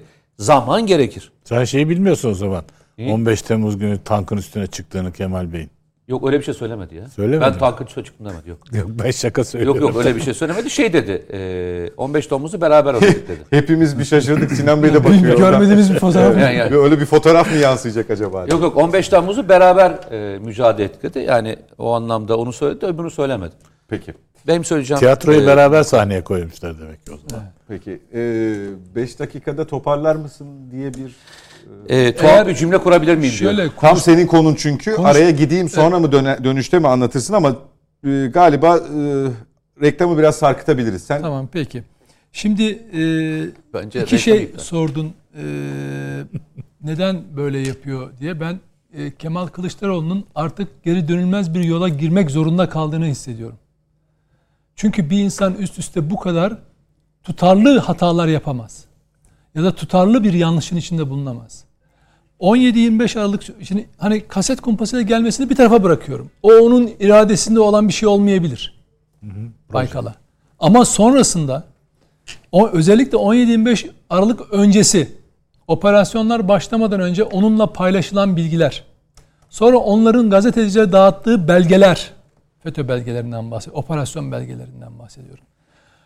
Onu çıkı, geri dönüşü olmayan bir yola götürdü. STV kanalına çıkıp Erdoğan kaçacak kaçsa da biz onu yargılayacağız demeler. Bankasına ve gazetelerine el koyduğun, konduğunda kendisi dahil milletvekillerini gönderip kafaların kollarını kırılırcasına orada e, engel olmaya çalışmalar. Bankasya'ya gidip hesap açmalar. Dijitürk'ü aboneliklerin çıkmalar. Çünkü bunlara blokaj konduğu için. Bütün bunlar o süreçte yaşandı. Çünkü 2013 Erdoğan e, cemaat kapışması e, ya da AKP cemaat kapışması dediğimiz olaydan sonra bir anda 2012'den itibaren Cumhuriyet Halk Partisi'nde olmayan bir şeyler oldu. Baykal gönderildikten sonra FETÖ'cü siyasi imamlar Washington'dan Beyaz Saray imamları Kılıçdaroğlu'nu CHP Genel Merkezi'ne davet et, şey yaptılar. Onlar onu Amerika'ya götürdüler. Eline tabaklar, çanaklar verdiler ödül diye. Fotoğraflar çektirdiler. Deminden arada anlattım. FETÖ elebaşı bana da yaptı aynısını. Davet etti. Benimle derdi fotoğraf çektirmekti. O süreçte 2013'ten bahsediyorum. Çünkü kendini toplum önünde meşrulaştırmaya çalışıyordu. Baykal buna izin vermiyordu. Böyle bir şeye kar her zaman karşıydı. Ama Kılıçdaroğlu ve avaneleri koşa koşa Amerika'ya gittiler. Bülent Tezcanlar, Engin Özkoçlar falan filan işte başkaları da var. Hepsi gidip fotoğraf çektirdiler. Hiç utanmıyorlar. Hani AKP'lilere istediğinizi söyleyin. Zaten işbirliği yapıyorlardı. İnkar etmiyorlar ki. Biz de onu söyledik zaten. Eleştirdiğimiz şey oydu. Eleştirdiğin şeyi sen yaptın sonra. Sadece orada kalmadı. Cemaatin ya da Fethullah'ın, e, FETÖ'cülerin e, desteğiyle, lojistiğiyle, elemanlarıyla iktidarı değiştirebileceklerini zannettiler. Bugün Amerika'nın desteğiyle devirebileceklerini zannettikleri gibi. İktidarı devirmek meşru haklarıdır. Hiçbir şey demiyorum. Siyaset yapmak, iktidar olmak hiçbir itirazımız yok. Ama onu bunu bir dış göç güç eliyle yapmaya çalışmak ya da içerideki hainlerle işbirliği yaparak yapmak ayrı bir meziyet ve karakter gerektirir. Peki. Şimdi daha sonra geliyoruz bakın 15 Temmuz'a 15 Temmuz darbe girişiminin akabinde başarısı olunca FETÖ elebaşı bu bir Hollywood senaryosu senaryo kontrollü darbe dedi. Bir baktık C. Aytun Çıray, ee, Sezgin Tanrıkulu, Aykut Erdoğdu, CHP milletvekilleri, komisyon üyeleri, darbe komisyonu üyeleri bir rapor yazdılar. Başlık kontrollü darbe. FETÖ'nün yalanını raporlaştırdılar. Aradaki baylok, işte Adil Öksüz MIT belgesi, sahte MIT belgelerini pazarlamaları, işte niye tutuklanmadı Adil Öksüz? MIT elemanı ya onun için ben bunu söylemek istemiyorum ama belgesi var da zart zurt. Kamuoyunu bunlarla manipüle etti. Niye? Kontrollü darbe yalanını FETÖ'cüler ortaya attırdılar. Sonra onu desteklemek için de sahte MIT belgesi hazırladılar. Ama bu açığa çıktı. Çünkü FETÖ'cü Mahrem İmam yakalanıp itirafçı da oldu zaten. Bu konuyu anlattı. Gel Baylok işte 44 tane bakan 80 milletvekili Baylokçu palavrasını sokuşturdular ona. Onu söylettiler. Sonra Erdoğan'ın Baykal kasetini izlerken çekilmiş görünü bana izlettiler. Kim izletti sana kardeşim? Maskelilerdi göremedim. CHP, CHP genel merkezine maskeli adamlar giriyor. Ona da şey izletiyorlar. Yahu insan hani komik olacaksan daha farklı espri yap mesela. Başka komedyenleri al yanına. Geldik nereye geldik? Bakın KHK'ları iade edeceğim. Geçen gün Çankaya Belediyesi. Bak buradan Çankaya Belediye Başkanı kimdi o? Ee, meşhur CHP'li. Çankaya Belediye Başkanı'nın ev sahipliğinde CHP bir toplantı yapıyor KHK'ları. Cem Şenyer'le de KHK platformundan birini çıkartıyor. İşte diyor Nedim Şener diyor bize itiraz ediyor diyor. O, o zaten şöyle böyle falan filan. Adamı bir araştırıyorum. Adam baylokçu. Baylokçu FETÖ'cü, FETÖ üyesi çıkmış CHP'nin şeyinde KHK platformunda konuşuyor. İade olacağız biz diyor. Adam bu arada, 6 yıl... Bu arada sana da hakaret etti. Tabii tabii. CHP'ler de alkışlıyor. 6 yıl 3 ayda hapis cezası almış arkadaş. Şimdi zabıt katibi Ankara Adliyesi'nde. Şimdi CHP iktidar oldu. Bu zabıt katibi FETÖ'cüyü Kılıçdaroğlu iade edecek. Allah aşkına o adliyedeki herhangi bir evran veya hakim savcının güvenliği kalabilir mi? Adam oradaki her şeyi kopyalar bir kere abisine verir. Bunların karakteri bu. Bunlar bakın hayata kod adalı annesinin verdiği babasının verdiği şerefli ismi kullanmak yerine kod adıyla çalışan birer hırsız, soru hırsızı elemanlar yetiştiriyorlar. Bunların karakteri bu. Her yalanı söylerler. Bak PKK'lı dediğin adam var ya bir üniforma giyer kendince. Karşına çıkar vurur indirirsin. Adamın bir duruşu var yani. Şerefsizdir ama onun FETÖ'cüden farklı bir yönü vardır. Karakteri bellidir. FETÖ'cü şöyle bir şeydir. Ee, kendisini başka türlü gösterir sana. yalan söyler. Mesela herhangi bir suçlu da yalan söyleyebilir. Mesela bir hırsız suç işler, suçunu itiraf eder veya suç işlemediğini söyler. FETÖ'cü şöyle yapar. Suçu kendinin işlemediğini söyler, tutar Serhat, Serhat işledi der. İftirayı da atar. Bunlar böyle karaktersiz insanlar yetiştirirler. Şimdi dolayısıyla bu adamı çıkartıyorsun CHP'nin toplantısında konuşturuyorsun ve bunu iade edeceksin öyle mi? Ben de diyorum ki Sayın Kılıçdaroğlu'na ya o kadar uğraşma. CHP Genel Merkezi'nde bir kadro yok mu? Al sıkıyorsa cesaretin varsa CHP Genel Merkezi'ne çalıştır o şey zabıt katibini. Hadi çalıştırabiliyor musun? Çalıştıramazsın. Çünkü ama devlet iş mesele devleti suistimal etmeye kalkınca peki AKP'nin FETÖ ile mücadele konusundaki eksiklerini eleştir. Peki siyasette de efendim e, bürokraside temizlenmedi de askeriyede hala ne duruyorsunuz de yargıda bak bunlar oluyor de biz söylüyoruz bin tane adamdan bahsediyoruz. FETÖ'cü bin tane bine yakın adamdan bahsettik burada. 800'ünü HSK, HSK teslim, temsil etti. Hala hala bakanlıklarda çıkıyor. Askeriye içinde 20 binden bahs- e, rakamından bahsediyoruz. Bu seni hiç hiç heyecanlandırmıyor mu? Bu seni hiç irkiltmiyor mu? Ya da şöyle söyleyelim. Acaba iktidar olduğun zaman bürokrasi olarak bunlara mı güveniyorsun hala? Ve dışarıdan ekleyeceğin adamlara mı güveniyorsun? Ya buna Türk milletinin tahammülü yok. Toparlamamız Şimdi lazım. dolayısıyla getirdi kontrol 15 Temmuz'dan sonrasını tekrar ediyorum. Kontrollü darbe yalanından sonra KHK'lara iade edeceğim. Şimdi Hrant Dink cinayeti. Tek yaptığı şey FETÖ'yü aklama girişimi. Çünkü ileride bunun hesabının sorulacağını biliyor. O yüzden suç ortağını bakın bir mafya lideriyle işbirliğine giren gazeteciler vardı değil mi? Ne oluyor? Eninde sonunda ortaya çıkıyor. Ya onunla tam ona karşı girişemezsin. Onunla fotoğraf çektirmişsen. Onunla yemek yemişsen, bir ilişkiye girmişsen suç örgütleriyle mutlaka açığa çıkar ve ağzını onlara karşı ağzını açamazsın. Seni deşifre ederler. Ettiler de. Geçenlerde bazı gazetecileri deşifre etti değil mi? Çünkü niye? Öyle böyle ilişkilere girdiler diye. Şimdi dolayısıyla girmeyeceksin. Siyasetçiyle de gayri, gayri, gayri meşru zaten suç örgütleriyle hiç girmeyeceksin. İlişkilere girmeyeceksin. Şimdi burada Kılıçdaroğlu'nun ve ekibinin FETÖ'yle girdiği gayrimeşru bir ilişki var. Onu izah edemeyecek. Bak tabanını da izah edemeyecek. Gün gelecek edemeyecek. Ettirmeyeceğim ona. Bak ettirmeyeceğim ona. Diyecekler ki ya bu ne dedim şeyler keşke Silivri'de ölseydi diyecekler tamam mı? Ettirmeyeceğim. Çünkü biz iki, bakın şakası yok bu işin. 251 insan bir gecede şehit oldu. Bu şakası olan bir şey değil. Bir kadının başının Cumhurbaşkanlığı külliyesine fırladığını biliyor musunuz? Cumhurbaşkanı anlattı bunu. Herkesin içinde anlattı. Bedenlerin, bedenlerin kadın erkek asfalta yapıştığını biliyor musunuz? Oluk oluk kan olduğunu biliyor musunuz? 15 yaşındaki çocuğun Mahir'in kalbinden vurulduğunu, 21 yaşındaki Batuhan'ın kalbinden vurulduğunu biliyor musunuz? İnsanlar unuttular. 15 Temmuz'u sadece Temmuz'un 15'inden itibaren e, şey anma günü olarak. Hayır arkadaş bu Eskisi gibi o da yapılmıyor. Tabii bu bu bir ruh.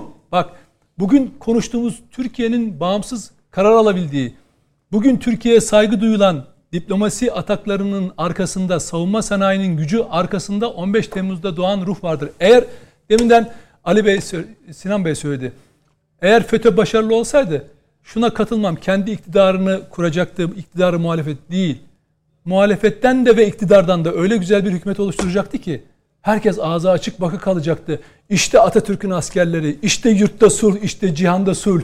İşte böyle olmadı. Diktatör Erdoğan da gitti. Altınları kaça ya, şey e, kaçırırken yakalandı. Bak iyi ki öldürüldü veya tutuklandı. Her neyse bunu diyeceklerdi. Darbe karşıtı olan iş, iş adamları var ya. Yaşa var ol Türk Silahlı Kuvvetleri diye ilanlar vereceklerdi. Seni beni öldürürlerdi. Bu ayrı bir şey. Ama FETÖ, ele, FETÖ bir tarikatın veya bir cemaat görünümündeki yapının darbe girişimindeki rolünün asla toplum tarafından kabul edilmeyeceğini bildiği için bunu gizler. Kimi kullanır? Kimi kullanır? 27 Mayıs'ta darbeciler kimi kullandı? Siyasetçileri. Bir geçici hükümet, şey geçici yönetim, arkasından bir koalisyon hükümeti. Bugün bak bugün söylüyorum size. Altılı masaya bak. Aşağı yukarı görürsün. O masada kim var? CHP var, İP var, AKP var. Altılı masada AKP var. Görüyor musunuz AKP'yi? Görüyorsunuz değil mi? AKP var. Diğer partiler var. Bize söyletmeye çalışıyor. evet. Bak AKP var o masada. Ama hangi AKP var? Amerika'nın görevden alındığı zaman Ya çalışabileceğimiz en değerli adamı kaybettik dediği adamlar var orada. Emp- İngiltere'den biz çok güzel para buluruz ya bu kadar faiz sıfır dünyada faiz diye tekrar IMF politikalarını dayatmak isteyenler var. Ben bunları niye söylüyorum böyle? Bir şey beklentim mi var? Yok bir şey, bir şey Ali Bey çok daha analiz ediyor. Görüyor belki görüyor belki üzülüyor benim için. Ama ülkem ülkemin karşı karşıya aldı, karşı karşıya kaldığı şeyi görüyorum. 15 Temmuz bak Biden bunu çok açık söyledi. Amerikalıların bu 200'lü dış politikasının gizli hiçbir yönü yoktur. Sadece o dinlemeyi bilip anlayacaksınız. Adam Peki. söyledi. Son cümlem. Bu sefer darbeyle değil muhalefeti destekleyerek dedi. 15 Temmuz devam ediyor. Serhat Bey onu anlatmaya Ki o zaman başkan değildi Tabii. daha. İşte bu, Bu Kılıçdaroğlu tabii bu Kılıçdaroğlu işte bunun devamıdır. Çünkü öyle bir ilişkinin içine girmiştir ki bunu söylemek zorunda. Orada FETÖ dese bu cinayetin arkasındaki bak şunu söyleyecekler. Mesela FETÖ'yü suçlasın herhangi bir konuda. Diyecekler ki öyle diyorsun da 17-25 Aralık belgelerini bizden alırken ya da Amerika'da şu toplantılara katılırken hiç bize FETÖ demiyordunuz Sayın Kılıçdaroğlu dediklerinde Kılıçdaroğlu sokağa çıkabilir mi zannediyorsunuz? O yüzden suç örgütleriyle ilişkiye girmeyeceksiniz. Anında satarlar sizi. Peki. Teşekkürler Örneklerini Nedim gördüğünüz Şener. gibi. Sayın Oğan e, önemli bir konu başlığımızdı ama e, süremiz e, çok kalmadı. Ankara'da olmanın da dezavantajları malum. Şimdi e, mülteciler üzerinden e, bir takım e, provokasyon girişimlerine tanıklık ediyoruz. Ara ara oluyor bu. Son olarak İçişleri Bakanlığı bir paylaşımda bulundu. Sosyal medya hesabını e, deşifre ederek e, bunun peşinden gideceğiz. Arkasındaki e, örgütlenmeyi bulacağız dedi. Bu bir yandan söz konusu provokasyonların tek merkezden yönetilip yönetilmediği e, sorusunu da doğurdu. E, sizin özellikle Suriyelilerle ilgili görüşleriniz kamuoyunca yakından biliniyor. Çokça da eleştiriliyorsunuz bu konuda. E, sorum şu, muhalefet partileri de e, bunu körükleyici bir takım e, hamlelerde bulunuyor mu? Bunu bir politika haline getirme çabası var mı? Sizin tabii e, bütüncül olarak dinamikleri ve bileşenleri ortaya koyarak e, Suriyelilerle, Suriyeli sığınmacılarla ilgili saptamalarınız, tespitleriniz var. Bunu her fırsatta söylüyorsunuz. Bununla ilgili paylaşımlarınız da oluyor. Fakat son zamanlarda bu iş biraz kullanılır, kullanışlı kullanılabilir hale getirildi mi? Bir bilinçten söz edebilir miyiz size göre? Şimdi öncelikle e, bu hususta e, birkaç e, tespitte bulunmak lazım. Sondan başlayayım. Birincisi bu mesele Türkiye'de toplumun e, sinir uçlarına e, dokunmaya başlayan bir mesele haline geldi ve e, Türkiye'yi karıştırmak isteyenlerin rahatlıkla kullanabileceği bir konu haline geldi. Geçenlerde bir tweet attım ve uyarıda bulundum. Dedim ki e, bazı e, Telegram gruplarında özellikle Telegram gruplarında bir takım örgütlenmeler e, beliriyor ve e, bu örgütlenmelerin yarın öbür gün e, işte e, yeter artık şu mahalleye gidelim, şu şunu yapalım, bunu yapalım diyebilirler. E, bunlara mutlaka ve mutlaka hem engel olmak lazım hem uymamak lazım. Toplumun bu konudaki itirazını demokratik yollarla ifade etmesi başka bir şeydir. E, Bu konu üzerinden Türkiye'de bir iç karışıklık ve provokasyona e, sebep olmak başka bir şeydir. Asla ve Bunu asla nasıl ayırt edeceğiz? e, kabul edemeyeceğimiz şey e, hangi e, sahikle olursa olsun e, Türkiye'nin karıştırılması, Türkiye'nin e, sığınmacılar üzerinden bir çatışmaya, iç çatışmaya dönüştürülmesidir. Bu asla kabul edeceğimiz bir husus değildir. Ancak bununla beraber Türkiye'nin bir sığınmacı sorunu vardır ve bu sorun çözülmelidir. Nedir bu sorun? İfade edeyim. Ee, Bir taraftan Türkiye'de 5 milyonun üzerinde Suriyeli sığınmacı mevcuttur.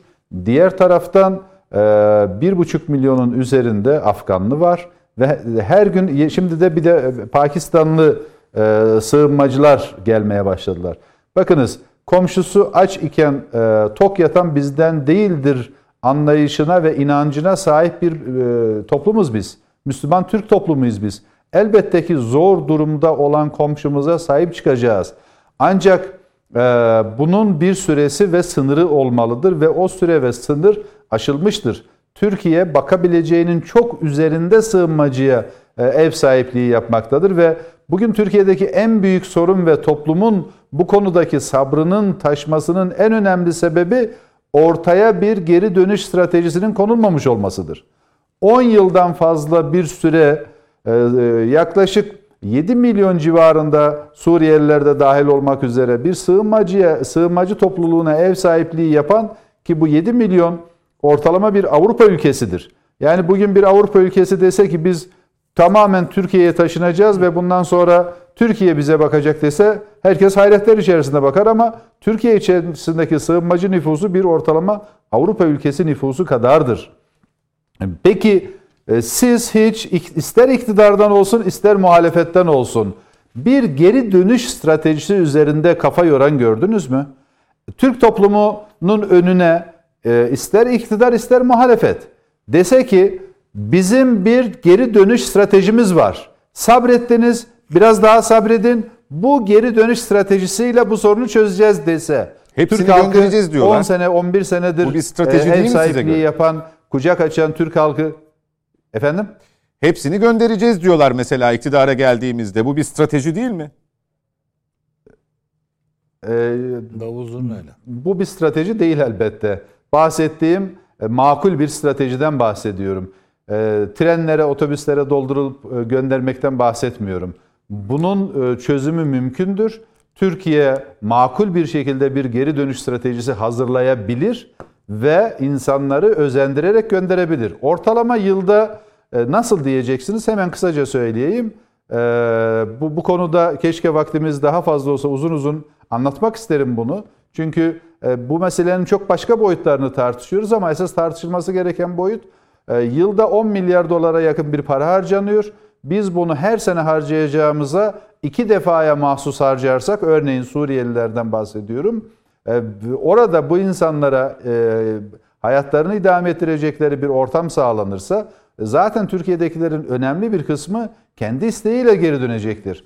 Diğer yandan dünyanın her yerinde sığınmacıların olması gereken yer e, sığınmacı kamplarıdır. Bugün Türkiye'deki sığınmacıların %0.5'i mi e, o civarda bir rakam sadece sığınmacı kamplarındadır. Onun dışındakiler Türkiye'nin her tarafına dağılmış bir şekilde e, çoğu da kayıtlı olduğu şehir dışında e, yaşıyorlar.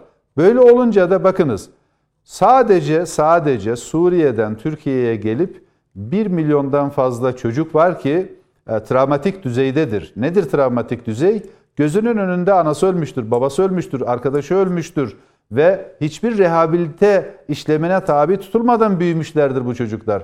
E, doğal olarak da rehabilitasyondan geçmeyen ve e, gözünün önünde bombaların e, patladığı bir nesil büyüdüğü zaman travmatik büyür. Ve Peki. bunların e, iş bulamadığı zaman, eğitim alamadığı, çok özür dilerim, eğitim alamadığı Sinan zaman Bey bir, bir Nedim Şener'in e, bir sorusu olacak zannediyorum konuyla ilgili. Süre çok daraldı. Ali Bey'e de Elbette. bir e, son kapanış sözü vereceğim. Çünkü Tamam. Bu, bu konuyu düşünen bir insansınız. İktidar e, Türkiye'de tutmak yönünde Avrupa Birliği'ne ve yaptığı anlaşmalar çerçevesinde tutmak yönünde adım şey e, tavır alıyor.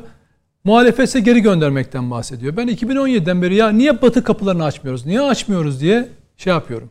e, anlatmaya çalışıyorum.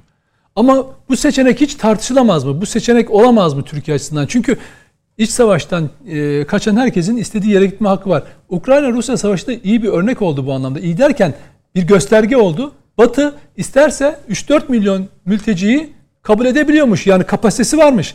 Demek ki bize yalan söylüyorlarmış. Dolayısıyla zaten anlaşmalar uyguluyorlar. renk ayrımı var orada. Doğru söylüyorsunuz. Renk ayrımı var. Yani bu bir seçenek olamaz mı? İktidar da muhalefet de bunun üzerine düşünemez mi? İkincisi artık Türkiye bölgesinde önemli bir aktör. Artık öyle bana ne derler diye olaylara bakmıyor. Esad'la ve Rusya ile oturup Suriye meselesinde insanların geri dönüşünü hazırlayacak bir e, çabanın içinde olamaz mı? Çok kısa istirham ediyorum Sayın Oğan. Çok çok do- çok kısa, çok kısa bakınız e, sondan başlayayım. Yani biz Birleşik Arap Emirlikleri ile masaya oturduk ki PKK'nın finansörüydü. Eli kanlı 15 Temmuz darbesinin finansörüydü ki öyledir. E, Biz İsrail'le, biz Mısır'la ki böyle de olmalıdır. Devlet olmanın şartı budur. Biz gerektiğinde Rusya'nın da arabuluculuğuyla nasıl biz bugün Rusya ile Ukrayna arasında arabuluculuk yapıyorsak Rusya'nın da arabuluculuğuyla e, bunların Suriye'ye güvenli bir şekilde e, dönüşü için Esad rejimiyle de konuşabilmeliyiz. Bir diğer e, soruya kısaca değineyim. Bakınız bugün sadece bugün haberlerde dinlediğimiz Avrupa'ya gitmeye hazırlanan bir şebekeye baskın yapıldı ve 170 civarında kaçak göçmen yakalandı. Ya bırakın gitsinler Allah aşkına. Burada bir ters işleyen bir sistem var. Gireni yakalamak lazım, çıkanı yakalamak değil. Dolayısıyla da son cümle bu konularda keşke bir program yapsanız ve sadece bu konuyu tartışsak ve bu konunun sinir uçlarına dokunacak yönlerini değil, çözüm ortaya çözüm koyacak yönlerini, Türkiye'de insanlara fikir verecek yönlerini tartışsak. Çünkü kalsın veya gitsin arasında e, başka çözümler de var. Bir süreç, bir geri dönüş stratejisi bunu yapabiliriz. Son cümle, biz Türksam Göç Enstitüsü olarak iktidar ve muhalefet partilerinin tamamının e, sığınmacı parti programlarında ve seçim beyannamelerinde sığınmacılarla ilgili görüşlerini araştırdık ve neredeyse e, birçok partinin parti programında ve seçim beyannamelerinde bu konuya ayırdıkları e, kısım bir paragraf bile değil. Oysa bugün Türkiye'nin e, eğer bir kamuoyu araştırması yapılsa ilk 5'teki sorunlarından birisi bu konu. Peki. Ali Saydam geri dönüş stratejisi Efendim şimdi olmaması bir eksik mi? Olursa geri, nasıl olur? Geri dönüş stratejisinin olabilmesi için olaya bakış açısında bir milli mutabakat olması lazım. Bu konuda inanılmaz faşizan bir yaklaşım biçimi var. Enteresan bir şekilde de kendilerinin sosyal demokrat olduklarını iddia edenlerden geliyor. Hemen bir parantez açayım. Ee, bu yabancı düşmanlığı batıya gittiğiniz zaman Fransa'ya gidin, Almanya'ya gidin, e, İsviçre'ye gidin. Nereye giderseniz gidin. Yabancı düşmanlığı faşizan e, partilerin, ekstrem sağ partilerin e, işidir. Onların kullandığı bir politikadır. politikadır. Türkiye'ye bir geliyorsun bakıyorsun. Buyurun açıklamadan bir örnek verelim. Vergi vermiyorlar. Dedikleri hastanede bedava tedavi oluyorlar. Bedava tedavi oluyorlar. Üniversitede sınavsız giriyorlar. Suriye gençlerin keyfi yerinde gezip fiyaka satıyorlar. Türkiye'nin sosyal dokusuna zarar verecekler. Sünnileştirme amaçlı olarak Alevi yerleşimlerine yerleştirilecekler. Hastalık, AIDS taşıyorlar, asayı, bu asayişi bozuyorlar. Daha devam ediyor saymayayım.